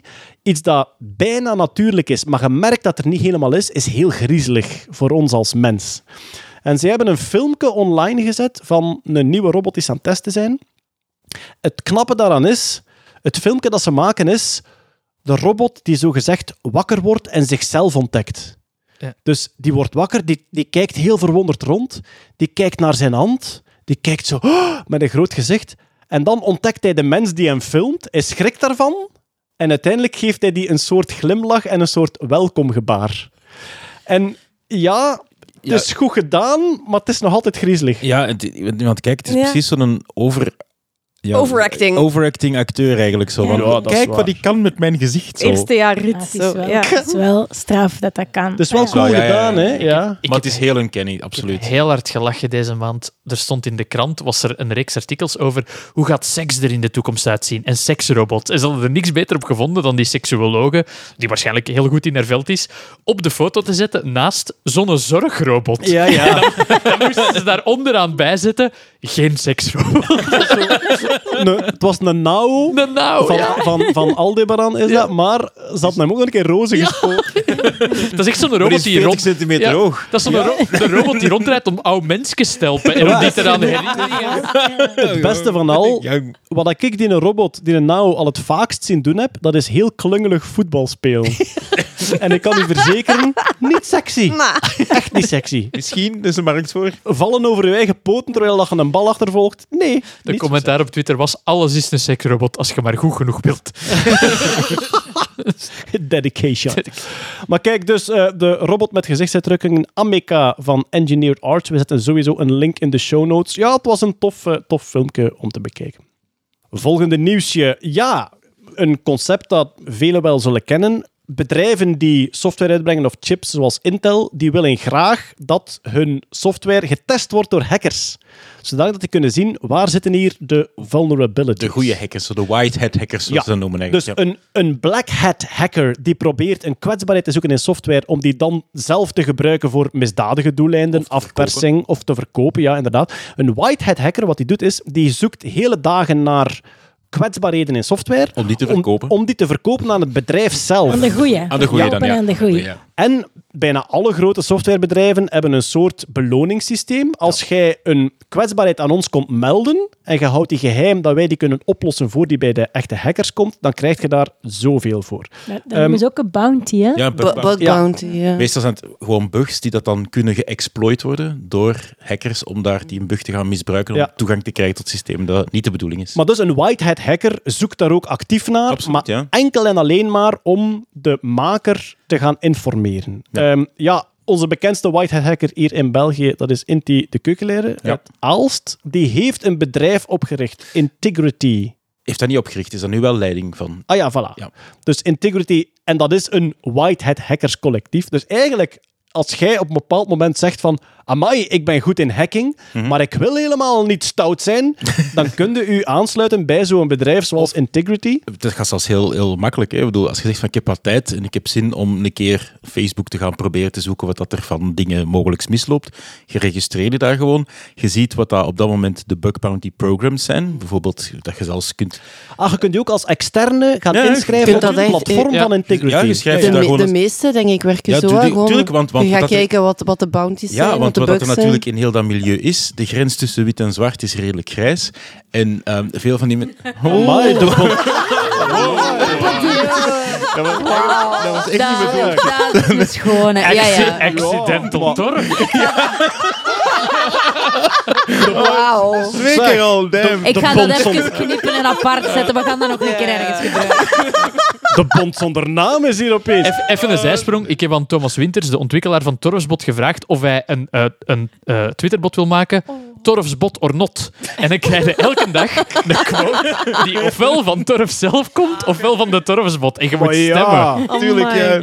Zwat, sorry Kurt. Goed, wat ik wou zeggen is dat dat een grijze zone is en dat heel veel van mensen die met security, computer security bezig zijn, graag anoniem willen blijven. En vandaar dat zo'n platform veel interessanter is dan dat je moet gaan inschrijven of dat je moet gaan werken bij een bedrijf. Ah ja. Dus het is ook handig om te zien, als je dan toch een tijd ergens in gaat steken, wil je misschien liever je focussen op een bedrijf dat er effectief geld voor geeft. Ja, ja, voilà. Dus, dus je kunt op die website, als je geregistreerd ziet, ga je de bug bounty programs.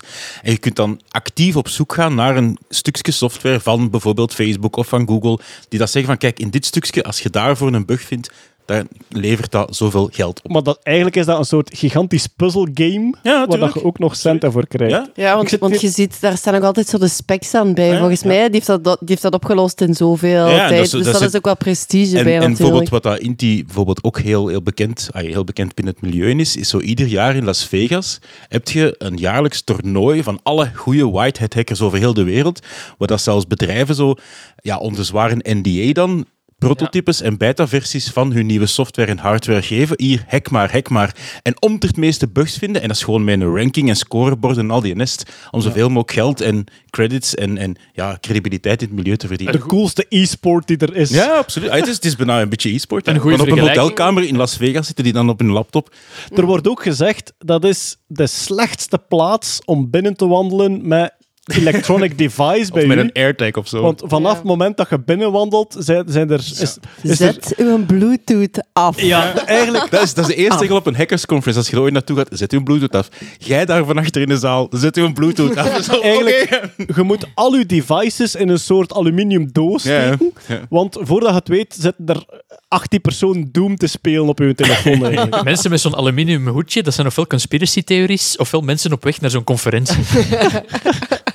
Ik zit net op Inti zijn, eh, zijn eh, Twitter en zijn beschrijving, een van zijn functiebeschrijvingen is Head of Hackers at Integrity. Ja. Oeh, cool.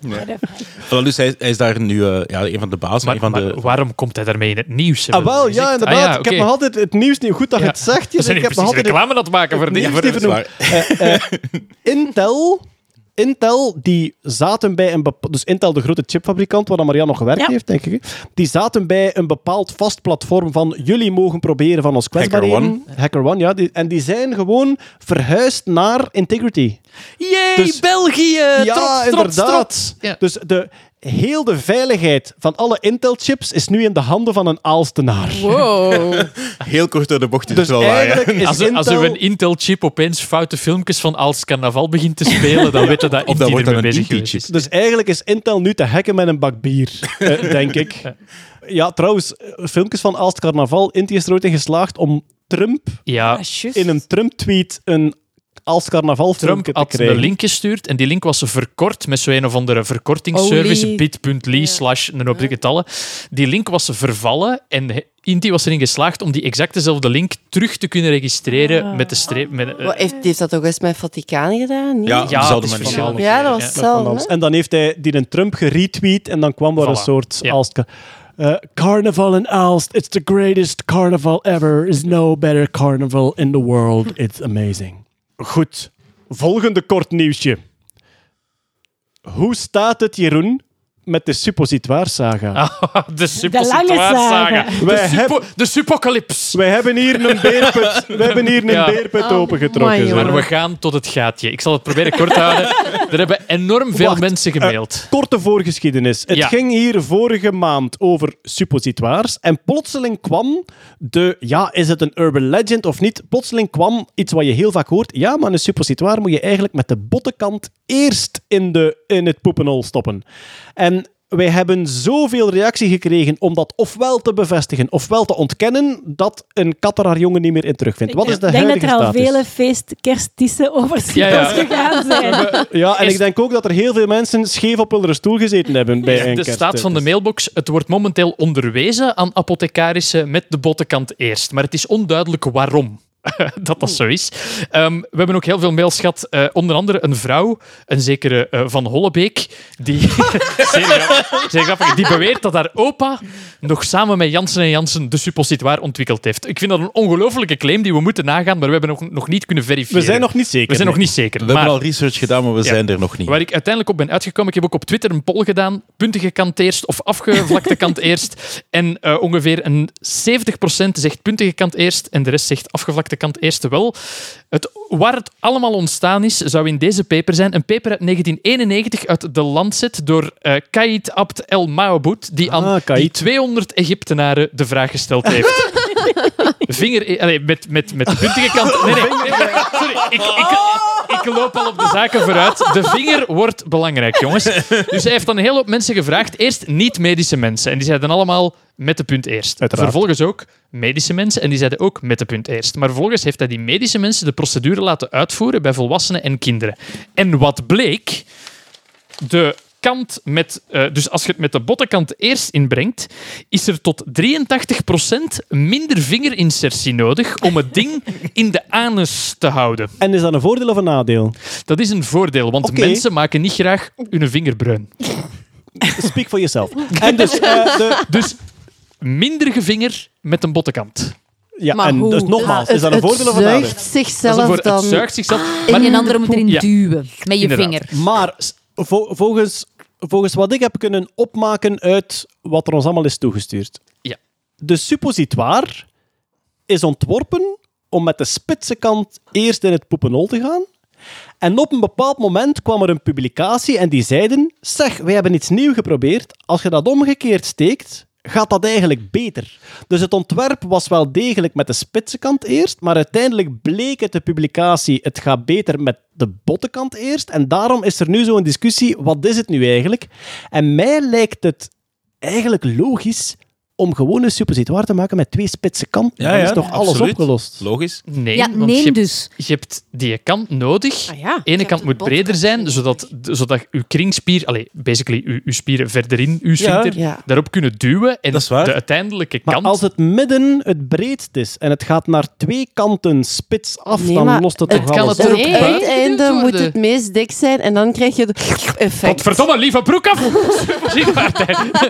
Oké, Als, als het En grootste denk- eerst gaat, dan zuigt de rest Trouwens, over het zichzelf. ontwerp... titel van je sekstape. Nee, maar Trouwens, dus, over, het ontwerp, over het ontwerp met de punt. Mannenpakkers, ik heb de peper vast! Jeroen heeft de peper, Jeroen praat. In de paper zeggen ze... De The, designer of the torpedo-shaped suppository suggested, suggested its insertion with the apex foremost. De apex, dat is eh duur woord voor de bottenkant. Maar het probleem is, bij die...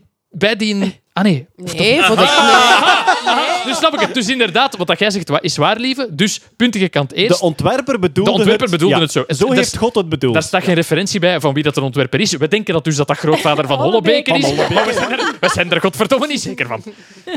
De apex is de puntige kant. Apex is de puntige Ja, kant. Ja, ja. ja, dat bedoel ik. Dat bedoel ja, ik ja. Maar dus hij is ontworpen, God heeft het bedoeld met de puntige kant Ja. eerst, maar de ehm Proefondervindelijke. proefondervindelijk Kleine blijft- studie, moet ik zeggen. En- 200 man. En ik denk nu, we moeten een suppo maken met twee spitse kanten om te Ja. kijken. En Natta knikt van nee, maar ik vind dat dat wel kan. Nee, het midden is het, het midden we is moeten, het dikst. is heel simpel. Bon, zoeken Heel we- simpel. We, zoeken we zoeken een, we zoeken een apotheker. Ik teken 3D een mal voor de suppos te maken.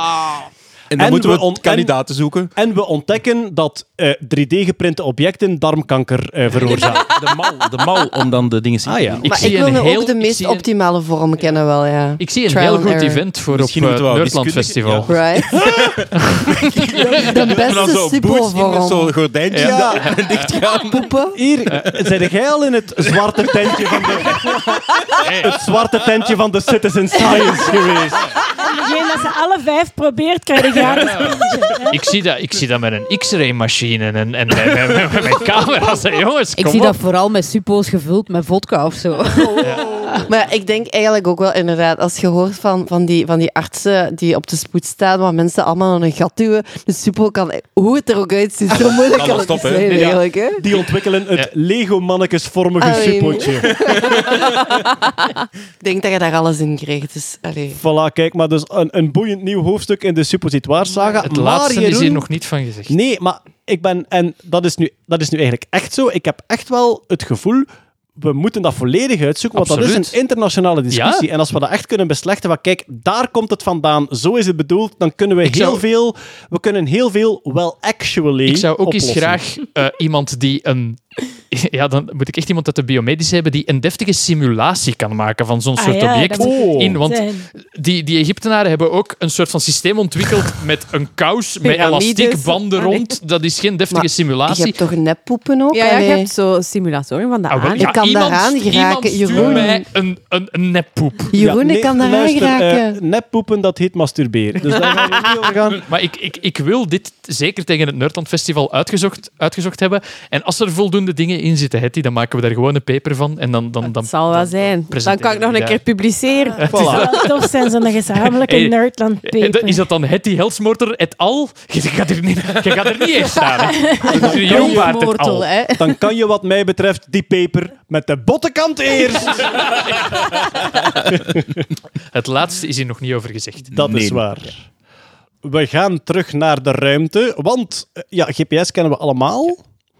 Daar waren op een bepaald moment een beetje internationaal politieke problemen mee. GPS is van Amerika. En die hebben dat af en toe verstoord tijdens defensieoperaties, denk Ja. ik. Hè? Dat ze dat gecodeerd hebben, zodat hun eigen raketten precies vlogen en dat de vijanden niet meer wisten wat dat waar precies Dat weet was. ik niet precies, maar het is gewoon het basisprincipe van oh, die volledige, eh, dat volledige systeem is in handen van iemand die ooit terug vijandig zou kunnen worden tegenover ons. En we hangen daar eigenlijk wel van af. Dus wij, Europa, willen een eigen GPS-systeem. Dat is Galileo geworden. Dat heeft, eh, ja, zoals het Europa betaamt, met heel veel administratie en gedoe en vertragingen en goedkeuringen en commissies, is dat nu uiteindelijk toch een beetje up and running aan het geraken. Maar ze hadden een beetje een probleem, omdat er zijn momenteel al zoveel locatiesystemen in de lucht, dat ze dachten, wat doen wij hier nog? Ja. Ze hadden een beetje een uniek selling point nodig. En de- deze maand heeft Vincent Rijmen ons gemaild. En Vincent Rijmen, dat, dat is een beetje dat is de Mick Jagger onder de cryptografen. Dat is echt, dat is echt, ja? dat is echt een legende. Die heeft meegewerkt aan het, het Rijndaal-encryptie-algoritme. Rijndaal ook beter bekend als AES. Een van de eerste universele standaarden voor eh, cryptografie. Eh, ik denk ook, Marian, jij, ja, jij Een collega van mij eh, in het bureau verdiep lager op Hola. de ESAT. Hè. Ja, Dus- dus een prof in de cryptografie. Ja. Als bij u de lavabo lekt, dan valt het op zijn kop. Ja, dat moet hem wel schuin lekken. Maar, ja. Ik kan dat, ik kan heeft dat. ons gemaild. Iets nieuw dat Galileo vanaf eh, deze maand kan, is het Open Service Navigation Message Authentication. Dat is een heel duur woord om te zeggen dat Galileo vanaf nu eh, een code uitstuurt waarmee dat jij kan verifiëren dat de positie die je opvraagt en de data die je krijgt ook effectief van Galileo komt.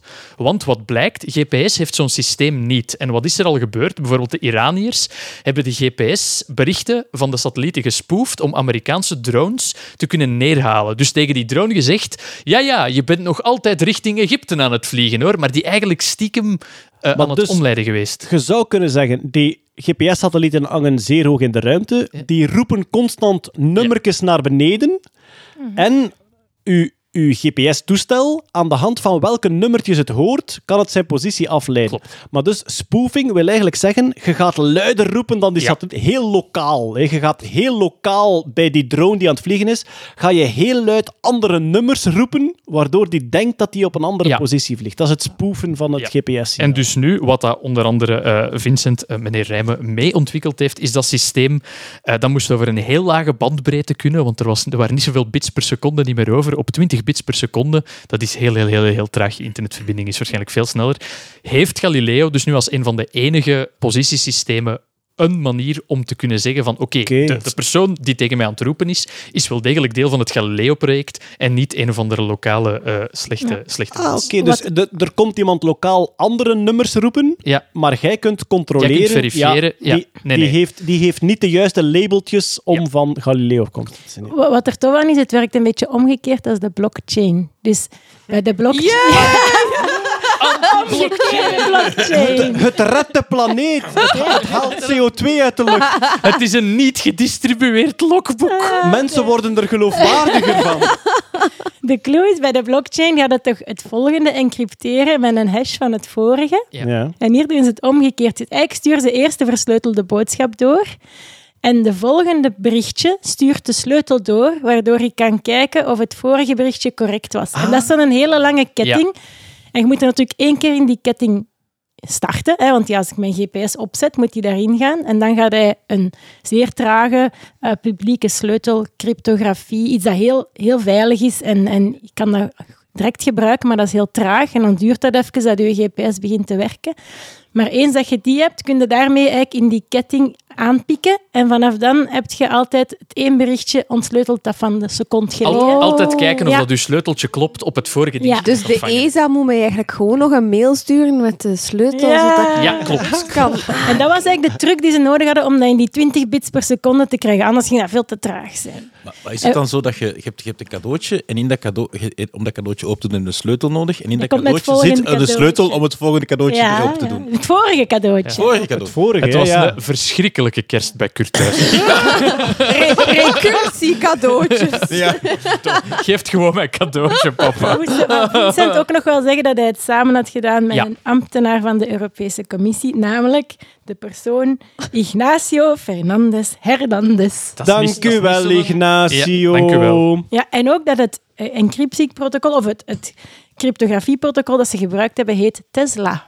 Oh. Maar het staat eigenlijk voor Timed Efficient Stream Loss Tolerant Authentication. Dus Musk heeft er niks Daar moet ook voor op ezat zijn. En En dat- hippe acroniemen, dat is er. backronym. Nee, dat hebben ze daar niet uitgevonden. Inderdaad, een Ja. backronym is je neemt een woord en dan ga je achteraf verzinnen wat de letters betekenen. Een backronym, ja. Dus Vincent Rijmen luistert naar de podcast. Ja. Weet je wie dat er nog naar de podcast luistert? Viroloog eh, Johan Neits. Ah, dat is waar. Ja, Het staat stond, in de... stond in de Humo. Ja. Humo in Mijn de vader had dat kei trots doorgestuurd. Ja, klopt. Johan Neits, Kate Ryan, Eh, Reggie. Bruno, Bruno van den Broeke. Ah, Ja. Eh, en Reggie. Onze Ja. marathon. man, we zijn hier aan het name droppen. Ah, had ja, geen ja. naam. Zie ons blij zijn. Met echte mensen die Ja. naar ons Vandaag luisteren. de persoon in de audiowinkel die mijn tv ging verkopen. Ook, oh, Marian, oké. Oh, Je hebt nice. toch, je hebt toch werd ehm, knalrood. F-lijst BV-korting gevraagd. Nee, ik zei, oh nee, ik heb u net zoveel domme vragen gesteld. Nu ga je echt denken. Trouwens, GPS-spoofing werd vaak gebruikt bij Pokémon Go. Ja, absoluut. Ja, Ja. ja. Omdat bepaalde Pokémons kwamen alleen maar voor in zeldzame gebieden. En dan zochten mensen dat gebied op en dan kochten die een toestel die heel lokaal, heel luid foute GPS-signalen stuurde. En dan Slim. zat een telefoon in dat gebied. Maar dat is wel opgelost. Ze hebben wel een manier gevonden van als jij zo rap van hier naar daar springt, dan kan dat niet. Er was zo een of ander... Ja, sorry voor de uitdrukking. Kutdorp in, in het, het midden van de Vlaanders, dat door een speling in het algoritme een hele hoge densiteit van, I don't know, Charmanders of Charizard. Erpenmeren is heel droevig nu je dat zegt, Jeroen. En die mensen stonden echt in de krant met... Er komen hier keiveel mensen met gsm's van de trein gestapt en die staan in de weg. Ik kan eens opzoeken welk dorp dat was. Ja, dat was echt een, een schitterende... Spoef dat nou Ja. even. Maar dus eigenlijk, het moment dat die, dat die spoofing gedetecteerd werd, omdat je sprong van één plek naar een andere, konden ook wel een soort spoofing-vliegreis installeren. Hè? Dus dat uw spoof-GPS eerst rustig naar Zaventem ging met de trein, en dan Ja. het vliegtuig nam, dat je acht uur later, zo gezegd, in Amerika waart. Ja, goed. Er is ook droevig nieuws, want er is een icoon uit de wetenschap, en eigenlijk een icoon uit de wetenschapscommunicatie is overleden, namelijk E.O. Wilson. En vele mensen zullen nu denken, wie? En heel vele mensen zullen nu denken, oh, E.O. Wilson was een grootheid, is van de generatie van Attenborough. Hè? Dus eh, alle twee stokoude biologen. E.O. Wilson is begonnen als entomoloog, meer bepaald myrmicoloog, hè? dus mierendeskundige. Hij is als kind echt bezeten geraakt door mieren en de manier dat die samenleven. Hij is een van de mensen die op een bepaald moment zei: misschien moeten we een mierennest beschouwen als één wezen in plaats van elke miertje is afzonderlijk. Omdat zij niet afzonderlijk kunnen bestaan, net zoals onze cellen. En dat ze eigenlijk één, ook genetisch gezien, het feit dat al die werksters zich niet kunnen voortplanten, zei van ja, eigenlijk evolutionair is dat enkel zinnig als je dat als één mechanisme beschouwt. Hij heeft fantastische boeken geschreven, is een mens die zowel wetenschappelijk heel grondig bezig was, maar die dat ook altijd verbond aan inzicht. Wat denk ik daar nu van? Hoe werkt dat precies? En het is een van de helden van Peter Berks, hier vandaag niet aanwezig. Dus ik denk als Peter nog eens in de podcast zit, gaan we nog eens echt de nagedachtenis van E.O. Wilson... Volgende maand is hij er terug bij. Ah, en dan voilà. gaat hij het er zeker over hebben. hè. Ja, dan gaan we dat doen. Onder andere de theorie van de half-earth, waar dat we het onlangs over gehad hebben. We moeten de helft van de aarde, in oppervlakte dan, de helft van de aarde eigenlijk laten verwilderen om onze biodiversiteit te beschermen. Dat is een idee van, van E.O. Wilson. Maar dus kijk, hij is overleden op 26 december. Voor ons is dat gisteren, op dit moment. En dat is echt een, een icoon van een generatie. Een mens die ook heel veel anderen geïnspireerd heeft om de wetenschap en de biologie in te gaan. Hij wordt wel eens de Darwin van de 21ste eeuw genoemd. Of van de 20ste, ja, dat weet ik al niet meer. Maar ja, van de 20ste zal het zijn, aangezien dat hij al zo oud is. Maar eh, ja, dat is eh, een gigantische titel om mee te krijgen natuurlijk. Maar die heeft heel veel gedaan. En ik denk, het beste wat je eigenlijk kan doen om E.O. Wilson te eren en om jezelf een plezier te doen, dat is daar een boek van lezen. Je heeft heel veel geschreven, heeft heel goed geschreven. En welk boek je precies moet lezen, dat vertelt Peter jou volgende maand. Cliffhanger. Of gewoon op Twitter, natuurlijk. Maar ja, E.O. Wilson, ik denk als je hem gewoon nu al eens opzoekt en je leest al naar de biografieën die nu ongetwijfeld gaan verschijnen dat hij overleden is, dan ga je al heel veel bijleren over wat hij gedaan heeft en ja, wat je ervan meekrijgt. hè. Want hij heeft heel veel gedeeld met de wereld. E.O. Wilson. Hij heeft trouwens ook, ik heb ooit, denk ik, op de tablet een soort interactief e-book van E.O. Wilson over life, dus over het leven, waar je eigenlijk, terwijl je aan het lezen waart, stonden er plaatjes in de tekst en die konden aanklikken. Die gingen dan open, interactief. Je konden heel de cel bekijken of alle aspecten van een boom. was eigenlijk een heel tof, eh, ja, een heel tof elektronisch boek met meer dimensies dan alleen de lettertjes op het papier. Wat hebben wij hier nog staan? Goh ja, sommigen aan deze tafel verliezen nachtrust. Hetty, Hetty lacht al, want zij is een van de minstens twee. Ik ben er ook een van. Ik kijk rond naar de anderen. Sommigen van ons aan deze tafel verliezen nachtrust en dat is allemaal de schuld van het Belgisch leger. Ja. Hetty. Ehm, ja, we hebben het vorig jaar en het jaar daarvoor ook vermeld. Eh, Defensie heeft een cryptografische afdeling, heeft een intelligence afdeling. Allemaal mensen die zot zijn van cryptografie, versleuteling, codering enzovoort. En in Nederland doen ze dat al heel lang en in België nu ook al een paar jaar. Zij brengen een kerstpuzzel uit. En de kerstpuzzel, ja, ik denk van de breed verkrijgbare puzzels is dat toch de meest venijnige die je op de Belgische markt kunt vinden. Opgesteld door cryptografen. Heel vaak is dat, allee, bedoel, je doet die puzzel open, je kijkt daarnaar en je geeft op. Dat is uw eerste, Ja. uw eerste emotie is, oké. Want wat zie je dan? Vraag 7. En dan zie je allerlei kriskras lijntjes door elkaar staan met een paar gekleurde vlakken en onderaan staat, wat zoeken we? dat, is, dat is eigenlijk alles. Maar Hetty, jij hebt het ook een paar keer meegemaakt al de voorbije week. Het moment dat je in zo'n puzzel duikt en je vroet en je vroet en je loopt dood en je begint opnieuw en je keert terug. Maar het moment dat samenvalt. Ah. Oh, man. Echt, ja. Ja, Hetty schreef, wat een gevoel Ja. bij het oplossen van de eerste puzzel. ja. Ja, we zetten die sowieso in de show notes. Hè. Dus eh, kerstpuzzel van Defensie. In de Discord is er ook een kanaal Puzzel, waar verschillende mensen er zich ook aan het tegensmijten zijn. Dus als Ja. je tips zoekt of mensen om het samen mee op te lossen in het kanaal Puzzel op de Discord, gebeurt het ook. Ah, wel, dus de algemene regel is: puzzel, maak plezier, praat erover, maar doe geen spoilers. Hè? Nee, dus, uiteraard. dus geen oplossingen verraden. Het eerste jaar, want wij hebben een Nerdland clubje waarmee dat wij meedoen. Het eerste jaar hebben wij meegedaan met een zekere ambitie. En zijn we ergens in de... Toen waren we vrij goed. hè? Ja, ja, derde dus- of tweede zelfs, denk ik. Ja, voilà, we zijn ergens echt zo in de top geëindigd.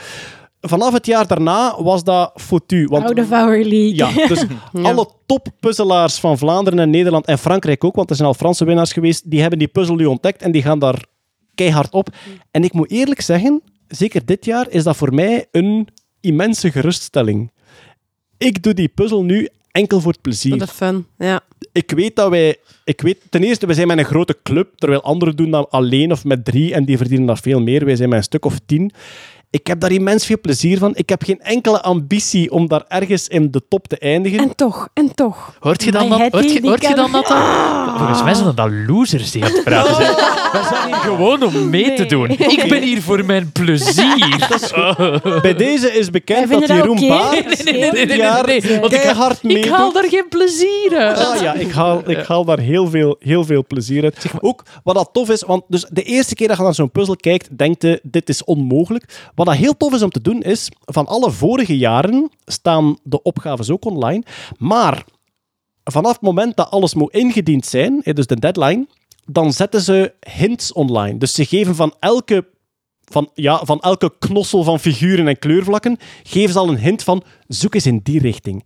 En dan gaat het gemakkelijker. En dan, nog een tijdje later, komen de oplossingen. Dus van, van de vorige jaren kun je altijd gaan kijken, wat waren de oplossingen van die probleem? En daar leerde wel heel veel uit van welk soort puzzels dat die eigenlijk aan het, eh, aan het maken ze. zijn. Zeg maar, ik heb dan wel een tip voor de mensen die hier aan het puzzelen zijn aan tafel. Want vorige maand is ook een onderzoek gedaan, namelijk naar de slaaptechniek van Salvador Dali en Ja. Thomas Edison. Ja. Die gingen slapen met een metalen object in de arm. En op de grond lag dan een soort van schaal. En als die net in een bepaalde droomstatus kwamen, dan ontspanden die hun spieren en dan lieten die dat metalen object vallen, waardoor ze opeens terug wakker waren. En dan had Salvador Dali, een man die toch wel eens eh, op, niet op een gesmolten klok meer of minder keek, eh, hadden die, had hij zijn cre- meest creatieve momenten. En wat hebben ze nu gedaan aan de Universiteit van Sorbonne? Ze hebben honderd mensen uitgenodigd en die kregen allemaal wiskundige problemen op een bord te zien. Iedereen kreeg dat te zien in het begin. En elk van die wiskundige problemen had een simpele regel om er door te geraken. Zoals typisch bij een IQ-test, eens dat je door hebt van ah ja, het is telkens de is tweede simpel, kolom, moeten er tien bij, dan is het simpel. De mensen die het van de eerste keer zagen, dat waren er ongeveer dertien, die mochten meteen vertrekken. Dan, van de mensen die overbleven, hebben ze drie groepen gemaakt. Eén groep moest wakker blijven. Eén groep mocht 30 seconden in die bepaalde slaapstatus geraken. En één groep mocht nog verder, in een verdere slaapstatus, nog eens 30 seconden geraken. En wat bleek? De groep die enkel en alleen tot die eerste slaapstatus geraakt was, was veel beter in het uiteindelijk oplossen van de problemen dan de andere groepen. Ze hadden Dus- een glas water vast. Hè? En als dat viel, dan schrokken ze ja, wakker. een glas water dan- of een sleutelbos. Of, ja. Ja. dus eh, ja. En de verklaring die ze eraan geven is, eh, in die bepaalde droomstaat NREM 1 eh, dwalen je gedachten af en maakt je brein eigenlijk connecties die het anders, als je bewust aan het nadenken bent, niet zou maken. Dus misschien is dat een idee voor de Ja, defensie, ik de defensie eigenlijk testen de komende dagen. Dat, dat is keihandig als je zo'n leerling in de klas hebt die aan het wegdromen is. Je kunt daar niks niet meer over Ah, zeggen. nee, ja. Die is gewoon Kijk, aan het Ah, ja. concentreren. eigenlijk. Vrije ja, associatie. Ja, Los van het anekdotische, ik heb het ook wel al meegemaakt. hè, Dat zo in de fase dat je net in slaap valt, dat er dan plots een inzicht komt. Dus Ik schrijf, dat dan op, ik schrijf dat dan op en dan lees ik 's ochtends een notitieboekje. Ekornsirkus? Fuck! Maar kijk, ja, de kerstpuzzel, wij gaan lustig verder puzzelen. Ja. Ik nodig jullie uit om hetzelfde te doen. Laat u niet overweldigen door de eerste indruk, want die is echt wel... Ja, Ik die, heb vorig jaar op één opgave echt ja, 15 dagen gekeken en niks opgelost vorig jaar. En nu dit jaar, vorige week, opnieuw. Ik zeg, kom nog een keer, die eerste puzzel. En dan stapje beginnen zetten en opgelost. Dan dacht ik, ah, maar ik kan dit. En nu heb ik er al drie Ja, opgelost. ik heb dat dit dus, jaar. ja. Er is ene puzzel waar ik zot van word. Met Ah, allemaal, welke is het? Die van Set, die kaartjes van Ah, Set. ik heb dat ook al op zitten zien. Man, Met die ik vier daar- blokjes Ik staan word daar crazy van. Dat moet. ja, de kaartje... Zo, set, set is een spelletje waarbij dat je zo allerlei vormen moet combineren om ter snelst. En dat zit duidelijk daar ergens in. En En ik heb dus mijn set-set al uitgehaald en alles al gelegd. En ik probeer het te combineren. En te Wat doen. dat ook heel lastig is aan deze puzzel, is veel puzzelaars zijn het gewoon dat je geen informatie uit de buitenwereld of de cultuur nodig hebt om de puzzel op te lossen. En hier is dat heel vaak wel zo. Ik herinner mij een puzzel van een paar jaar geleden. Je kwam aan een soort... je- uiteindelijk kreeg je een soort letter- en cijfercombinatie. En wat bleek dat uiteindelijk te zijn? Altijd de eerste letter en het aantal legertjes dat je op een riskbord per werelddeel kon zetten. Ja, ja, ja. Dus soms heb je echt dingen uit de cultuur nodig, maar dat Maakt maakt, het tof, ook wel, maakt Ja. het ook wel tof. En ook als ik te lang vastzit op een puzzel, ga ik naar een volgende. Omdat, allee, ja, Zijn er genoeg? ja, en valt er iets mee te winnen buiten eer? Nee, het is eer. Eer. Ah, ja. Ze- Het ze is zeggen niet- ook- Het is niet dat het de, de mensen goed, die, Jeroen. omdat door defensie wordt uitgegeven, het is niet dat de mensen die het hoogst scoren een soort van job krijgen aangeboden bij het leger wel. of zo. Ah, wel, Ze zeggen zeg- altijd van niet. Ze, Ah, ja. zeggen, ze zeggen elk jaar, in Ne- want in Nederland bestaat die traditie al lang, ze zeggen elk jaar heel duidelijk, het is geen recruteringsmiddel. En ik ben, ik ben er zeker... Wel een recrutering. Ja, nee, ik, ik, ik dat denk is wat het dat niet, omdat... Service zou zeggen. Dat zou, dat zou wel de manier zijn om een of andere spion binnen te krijgen in het leger. Dus ik ben vrij zeker dat ze dat niet gaan doen. Nu, als je eraan begint, waarschuwt wel eerst je partner. Want Dat ik je heb mijn zijt. mijn, mijn broer Joachim is ook zot van die puzzel met zijn vrienden, die allemaal puzzelen. En mijn schoonzus die telt echt de dagen tot de indiendatum, want ze is haar man kwijt. Ah, wel. Een maand en Marianne heeft geen kerstfeest gevierd dit jaar. Marian, mijn vrouw zei letterlijk, de moment dat ik hem afgedrukt had van de jaar en ik had hem vast, is dat in de puzzel het leger? Oh, nu ben ik u weer kwijt voor een maand. Ja, En echt- ik, ik kan het gelukkig beperken, omdat ik geen ambitie meer heb. hè. Jeroen, ik heb alles opgegeven. En ik, Ik ben vannacht om het- drie uur pas gaan slapen. Om, Echt ik was, waar, om ja. elf uur was ik op weg en ik heb dan nog vier uur. En, maar het is gelukt. Je hebt dat hè. wel Eh, Ja, opgelost. het is hè. dat. En ik heb, en ik denk, ik heb echt al dansjes gedaan in mijn living. De moment dat ik, hem, dat ik een vraag juist... Het is zo cool, de moment dat je hem nailt, Ja. is echt fantastisch. Ik had er gisteren een opgelost.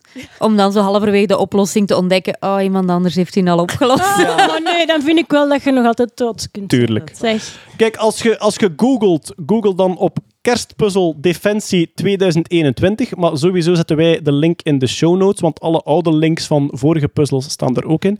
Ik ga misschien, en ik ga niet spoilen, hè, maar omdat ik weet dat hij soms echt ja, ehm, ja, demotiverend is als je hem de eerste keer ziet. Vraag 1 van de kerstpuzzel. Wat je heel vaak hebt is... Het thema van de kerstpuzzel staat duidelijk vooraan en is dit jaar... de- En stop. Nee, nee, nee, nee. nee, het, nee, nee. het thema is duidelijk Olympische Spelen. Dat staat dit jaar gewoon echt vooraan. Het thema is Olympische Spelen. Het is het Belgisch leger. Heel vaak komen er Belgische kanten in voor. Heel vaak komen er kerstwensen, nieuwjaarswensen in voor. Dat moet je allemaal in je hoofd houden. En als je die dingen in je hoofd houdt en je kijkt naar vraag 1, geef het even tijd. Het ziet er... Nee, ik ga niks verraden. Nee, nee, stoppen, lieve. Stoppen. Nee, Stop. Ja, ik zie de competitieve Dat kant. is dus waarom dat wij niet winnen, hè. Die ge allee, ja, je vindt iets en dat wordt gewoon op straat gesmeten, Geef hè. het zal ze u met zeggen- dat paplepel. Ik zal, ik zal u zeggen waarom dat ik het nu zeg. Ten eerste, ik heb niks letterlijk weggegeven. En ten tweede, puzzel 1 zal door alle competitieve puzzelaars onmiddellijk opgelost zijn. Dus het is geen Ja. enkele concurrentievervalsing om hier een heel lichte hint te geven. Ik wil gewoon mensen het puzzelplezier van die puzzel meegeven. Maar dus, puzzel 1, denk aan het thema, denk aan België en zie waar dat je komt. En, en belangrijk, belangrijk, wacht ook niet te lang, want eh, ze moeten binnengestuurd worden eh, voor dinsdag 25 januari. 25 januari, kijk, dat is nog 20 dagen als de podcast uitkomt. Voilà. Dat is veel puzzelplezier. Als je nog niet zat genoeg wordt van de lockdown, weet je wat? Wat moeilijke puzzels. Jeroen, ik ga u... Kijk, ja, het is, het is alweer een bekentenis, maar ik ben wie ik ben. Ehm, mijn, mijn dochterke moest in quarantaine, ik denk dat het twee weken geleden is, moest in quarantaine met de hele klas. Jij dacht, yes! En, en, en ik dacht, het is topen dat die fucking kerstpuzzel nu uitkomt. Letterlijke gedachte. En ze waren helaas net te laat, maar ik heb er toch mijn plezier van. Alright, we hebben enkel nog wat recalls en de sponsor te doen. Recalls. We hebben het hier gehad over de Cosmo 1408. Als ik mij niet vergis, was dat een satelliet van de Russen die kapotgeschoten was. En jij- En toen maakte iemand de opmerking, ik weet niet meer wie het Denk was. jij? Ja. War het jij? Ah, Ja, oké. Ja, ja, dat was Els, ja, voilà. ja, want ik ben van die streek. Dus Voilà. ik zei, dat klinkt als een discotheek in Rillaar. Ik ben van Rillaar afkomstig. Ik weet dat de Cosmo niet in Rillaar ligt. Die ligt in Tiltwing. Ja. I know. Ja, ik, heb, ik hoorde het en ik dacht, nee. Ik heb daar op 300 meter van gewoond. Ja, dus ik woonde bij de Sound en de Ster. Dus iedereen van heel die marginale driehoek, het is oké.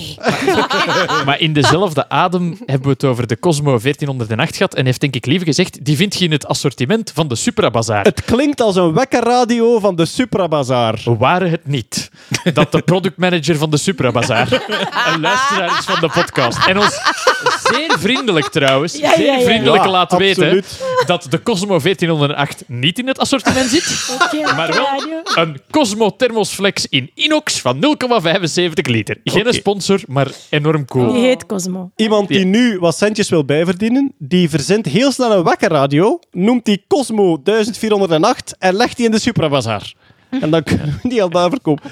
Maar wat een zegen is het dat je moppen maakt over de Amai. Supra Bazaar en, ge, en gemaild wordt door de marketing director van de Supra Bazaar. Wij hebben dat niet hoor in onze winkel. Nog We een beter voorbeeld. Eh, Nog een beter voorbeeld ja. van moppen die wij maken. We hadden het vorige maand over het wel of niet lusten van broccoli. En iedereen weet dat broccoli de duivelsgroente is. En dan was het eigenlijk eh, eh, was er een wetenschappelijk onderzoek dat dat opwerp. Dat ligt eigenlijk aan het microbioom van je mond. En Ja. je kan je microbioom veranderen en dan ga je broccoli wel lusten. En dat was de mop van, ja, maar als Jeroen nu heel lang passioneel mag zoenen met iemand die wel broccoli lust, Muilen zo waar, Muilen ja. kan, dan kan hij het misschien ook lusten. En nu heeft Wannes van Olm, die werkt aan de KU Leuven als eh, microbioloog. Orale Orale microbioloog. microbioloog. is daar. Die zegt van, stevig muilen kan helaas geen orale bacteriën doorgeven. Want eh, het microbiome in je mond heeft weinig goesting in verandering. Het is niet zoals je maagmicrobiome, waar we het in het verleden ook wel over gehad hebben. Maar, maar stevig muilen, zegt hij, is, is het... eh, Moeilijk tot onmogelijk. en ik heb hem teruggemaild. Bedankt voor je feedback. Moeilijk gaat ook. Dat, ja, eh, vele dingen zijn heerlijk aan deze podcast mogen doen. Maar een mop maken over Jeroen moet muilen met iemand die broccoli lust. En gemaild worden door een orale microbioloog van de KU Leuven. Gaat niet lukken. Die zegt, dat gaat niet werken. Waarom zeggen we dat hier dat dat niet gaat werken? Het was zo'n goede maand. Ik word daar blij van, van dat soort Ja. mails. Ik word daar heel blij Net zoals, hoe moet die super daar nu in? Mijn grootvader heeft de super uitgevonden. Bij Jansen en Jansen. Maar wat, to be. Zijn bijnaam We is, zullen zien. Zijn familienaam is Van Holle. Van Hollebeek. Goed. Hetty, alle Omicron nog aan toe, hebben wij toch goede hoop dat het Nerdland Festival in juni zal het zijn, Ja. zal eh, plaatsvinden. We krijgen, dat gaan we er gewoon even bij zeggen, wij krijgen veel berichten van studenten, studerende jongeren die zeggen juni is echt wel heel vervelende timing voor ons. Wij snappen dat volledig, maar wij hebben ook met veel dingen rekening te Absoluut. houden. Met- Onder andere ja, met de COVID-verwachtingen. COVID-situatie, de verwachtingen, de beschikbaarheid van het terrein, doordat al twee jaar festivals verschoven zijn. Eh, dus ja, inderdaad. Dus ik ga mij beroepen op een zinnetje dat mij eindeloos veel keren verteld is als ik zelf studeerde en omdat ik zelf gestudeerd heb, weet dat het nutteloos is. Begin twee dagen vroeger, dan kun je twee dagen naar het festival. Ik weet dat het zo niet werkt. Ik deed maar, dat zelf ook niet. Ik sloot mij op vanaf ja, half mei ergens. maar en- ik weet dat het zo niet werkt, maar, ik zit nu in die fase dat ik er mij wel achter kan verschuilen. Dus kijk. Nee, we zijn er ons van bewust, maar ja, helaas. Ik denk dat eh, ik een nuttigere tip heb. Ga overdag naar het festival, studeer s'nachts. Dat denk ik dan. Of omgekeerd, of omgekeerd. Of er is altijd augustus, hè, kids. Dat heb ik niet gezegd. Dat is de reden dat ze dat in augustus opnieuw doen. Hè. Zeg, maar we hebben een oproep gedaan naar... Wij hebben al heel veel ideeën en acts die we willen zoeken, maar we willen heel graag ook lokaal verankeren. Dus we hebben een oproep gedaan naar... Heb je een idee? Heb je iets dat je wilt demonstreren, lezing enzovoort? Ja. daar komt goede reactie op. Absoluut, daar komt heel veel reactie op. Of ook zelfs, ik heb iets gezien online of live, Oh. of stuur het ons door, laat het ons weten. Er is massaal veel reactie. We hadden eerst een deadline gezet voor indienen op 9 januari, maar dat is eigenlijk de laatste dag van de kerstvakantie. Dus we hebben dat nu twee weken verlengd, Ja. om ook onderwijsinstellingen en zo iets meer ruimte te geven. Dus alle ideeën welkom tot 23 januari. Hoe zotter, hoe liever. Als je denkt, maar dat gaat toch nooit lukken, stuur het vooral door, want misschien kunnen wij het wel waarmaken. Hetty, weet je wat er nu aan het gebeuren is? En nee. Sommige mensen sturen nu een idee in en die zeggen van... Amai, wat een grote groep mensen. Ik hoop dat ik naar de volgende ronde geraak. En jij gaat een mail moeten sturen. Ah. Sorry, je bent er niet bij. Zonder feedback toch? Echt, hè, zonder feedback en alleen. Dat Is er is er ook nog altijd een sponsor zoekt op Ja, ja, het inderdaad. Festival? Ja, Dat, eh, wel, eh, want inderdaad, hè, eh, één avondopening en twee volle dagen, dat, dat heeft wel wat voeten in de aarde, ook financieel. Dus inderdaad, eh, we hebben al heel veel leuke partners die meedoen. Maar eh, wie wil, wie zijn naam of bedrijf wil verbinden aan Nerdland Festival, zeer, zeer welkom. Eh, mail maar naar info.nerdlandfestival.be. En dan een van de vragen die ik het meest binnenkrijg, ja, zoeken jullie ook vrijwilligers om mee te werken? Ja, het zal wel zijn. Zo'n festival, ja, daarvoor hebben we 150 of 200 vrijwilligers nodig. Maar dat formulier om je aan te melden, dat komt- komt in de loop van het voorjaar online. Ook met wat dat je dan krijgt in ruil voor één shift of twee shift of vijf shifts. Dus voilà, dat, dat komt eraan. Maar we zullen jullie zeker nodig hebben. Top, kijk, we hebben nog een paar maanden opbouw die heel spannend gaan Ja. zijn na dat Nerdland Festival. We houden jullie zeker op de hoogte. Oh, het wordt zo leuk. Ik heb echt al helemaal terug. Knaldrang of wat? Ja. Ja, En knaldrang en suppo's. Voilà, we hebben al een titel voor op de Yes. affiche. Voilà. Maar los daarvan hebben we natuurlijk ook een sponsor van de podcast van deze maand. En deze maand is dat Jeroen. Ja, onze eerste sponsor van het nieuwe jaar is Psycontrol. Dat is een groep eh, die zich bezighoudt met de ontwikkeling, de productie en de ondersteuning van custom-made controllers. Dus alles dat een gebruikersinterface heeft eh, van industriële apparatuur, daar maken die onder andere de, de elektronische boards van, de bediening, de touchscreens. Maar wij kennen ze waarschijnlijk van, ze zijn onderdeel van de Picanol groep. En de Picanol groep die maken eh, weefmachines. Ja. En die hebben de parachute van de Marslander gemaakt. De Perseverance, die hebben, want het is heel ingewikkeld. Hè? Ik denk Ze dat hebben het, we- ja, zij hebben het weefgetouw. Ja. geleverd waarop de parachute dan Ja. geweven is. En Psycontrol Heeft- heeft, de software van En de, En de en de hardware. hardware. en de hardware Ja. van, Van de, interface van het weefgetouw waarmee de parachute geweven is die... Ja. Ja, en zij sponsoren ons omdat ze eigenlijk nieuwe, nieuwe eh, mensen zoeken om daar te komen werken. Ik heb van hen te horen gekregen dat de R&D-groep daar, dat er zeer veel Nerdland-fans rondlopen. Er heeft zelfs iemand een vak bij jou gevolgd, Marian. Dus voilà, eh, het vak dat ze gevolgd hebben is de Compute Platforms for AI and Embedded Processing. Klopt, Voor- dat geef voor- ik sinds een aantal jaar. Voor che- ik ga niet zeggen... En wat waren zijn punten? Nee, Ja, Ah, ik dacht, eh, ik dacht to dat hij... know for you to find out. Ik dacht dat hij bij u het vak gevolgd had. eh, user interfaces voor weefgetouwen waarmee Waarmee Marsparachutes geweven parachutes, kunnen worden. ja, dan, dan moet ik nog eens aanmaken. Nog eens dat vak. opfrissen. Misschien nog een leuke link. We hebben het een paar podcasts geleden gehad over de spin launch, waar dat elektronica zo hard de ruimte in geslingerd wordt dat ze aan enorm veel G-krachten Ja. moeten doorstaan. Zij maken elektronica die bij werking constant 300 G positief en negatief ondervindt. In zo'n weefgetouw gaan dingen heel vaak heen en weer. Oh ja. Dus elektronica die daarin zit, moet enorm hard tegen die krachten kunnen.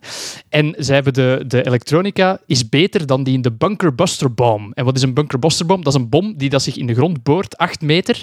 En die elektronica moet tot 8 meter diep overleven. Dus om een bunker op te blazen. bunker op te blazen. Maar dat maken zij niet. dat maken zij voor de duidelijkheid niet. Ja. Nee, zij zoeken dus medewerkers. De programmeertalen waarin ze werken zijn C++, Python, VHDL en Java. En van alle andere technologieën. Ze, ze zoeken eigenlijk vooral Linux-developers. Zeg, maar wie, wie ben je als je daar wil gaan werken? Je, Ah. houdt, je houdt van uitdagingen, Je houdt van elektronica uitdagingen. De mensen hebben mij ook verteld dat een diploma eigenlijk ondergeschikt is aan het enthousiasme waarmee dat je daar komt werken. Ehm Dus ongediplomeerde, maar wel goede super enthousiaste. ja. ontwikkelaars. En Ja. ook een beetje, want die hardware, ja, dat Ja, is ik denk, denk dat ze zowel software, embedded software doen, maar ook Absoluut. de hardware, de borden, zelfs de behuizing, hebben ze hun eigen Ja, 3D ze, ze, maken, ze maken volledig afgewerkte producten en ook tussenwerkingsproducten. Dus bijvoorbeeld een stom voorbeeld, de Douwe Egberts koffiemachines. Als je ooit ergens een koffie uit zo'n machine gehaald hebt, dat hebben zij waarschijnlijk gemaakt. Ja. Absoluut geen sponsor, maar, maar een, sponsor van de sponsor. Aha. Dat was, ja, bij mij was dat zo ergens, het is lang geleden, ik denk dat het 15 jaar geleden is, maar zo de eerste keer dat het koffiemachine op het werk kapot was. En daar kwam iemand toe om dat te herstellen. En die ging daar een laptop aan. Ah ja, dacht ja, ik van, tuurlijk. eh, pardon, moet je dat niet openvijzen? En daar zo wat klepjes zitten? Nee, nee, we gaan wat specs, eh, we gaan wat, wat specs bijstellen. Dus ze zijn gevestigd in Ieper. Ja, die koffiemachines die draaien ook op Java, zeker? hè? Dat ga ik, dat ga ik Psycontrol niet verkopen. Ook wel cool, ze organiseren elk jaar een grote LAN-party. Hoe cool is Op dat? het werk. Ja, nee, Psycontrol maakt een LAN-party waar de andere mensen op uitgenodigd worden. Iedereen mag meedoen. Iedereen mag meedoen, ja. Alright. Hoe cool ook is veel, dat? Ook veel reisjes en zo, denk ik. Ja, hè, en, absoluut. eh, Ja, ze hebben onlangs ook een, teamactiviteiten. een, een, eh, een, eh, tak geopend in Roemenië. Dus het is een bedrijf dat volop aan het groeien is. Eh, zij sponsoren ons omdat zij op zoek zijn naar medewerkers. Dus eh, de mensen die luisteren, je kunt niet naar Psycontrol lopen en vragen geef mij iets om te kopen. Het is echt business to business, maar we vonden het toch belangrijk om hen als sponsor te hebben. En waar kan je naartoe? Iemand die nu zegt van, hey, dat Ah. lijkt mij een toffe eh, omgeving. Ik heb al de skills die ze daar zoeken. Wa- wat moeten zij doen? Je kan mailen naar jobs.psycontrol.com. Er mogen ook gewoon open sollicitaties zijn. Maar op hun website daar, wordt ook alles uitgelegd van welke vacatures ze zoeken. En ik zal uiteraard linken in de show notes naar de duidelijke plekken waar je moet zijn. Ze zoeken een hardware engineer, young professional met passie voor elektronica, of embedded software en product designers en nog veel meer. Dus eh, ja, Psycontrol, eh, een interessant bedrijf waar je met van alle dingen kan bezig zijn. Excellent. Het zit er nu al vol Nerdland-fans. En wie weet, er kunnen we er nog een paar bij foempen en gaan we dat gewoon stiekem overnemen van binnenuit. Het hangt er vanaf hoeveel Team Muskers dat ertussen zitten. En de volgende code op een parachute van eh, de NASA is van ons. Oh. Yes. Dus voilà. Oké, dankjewel, Psychotrol.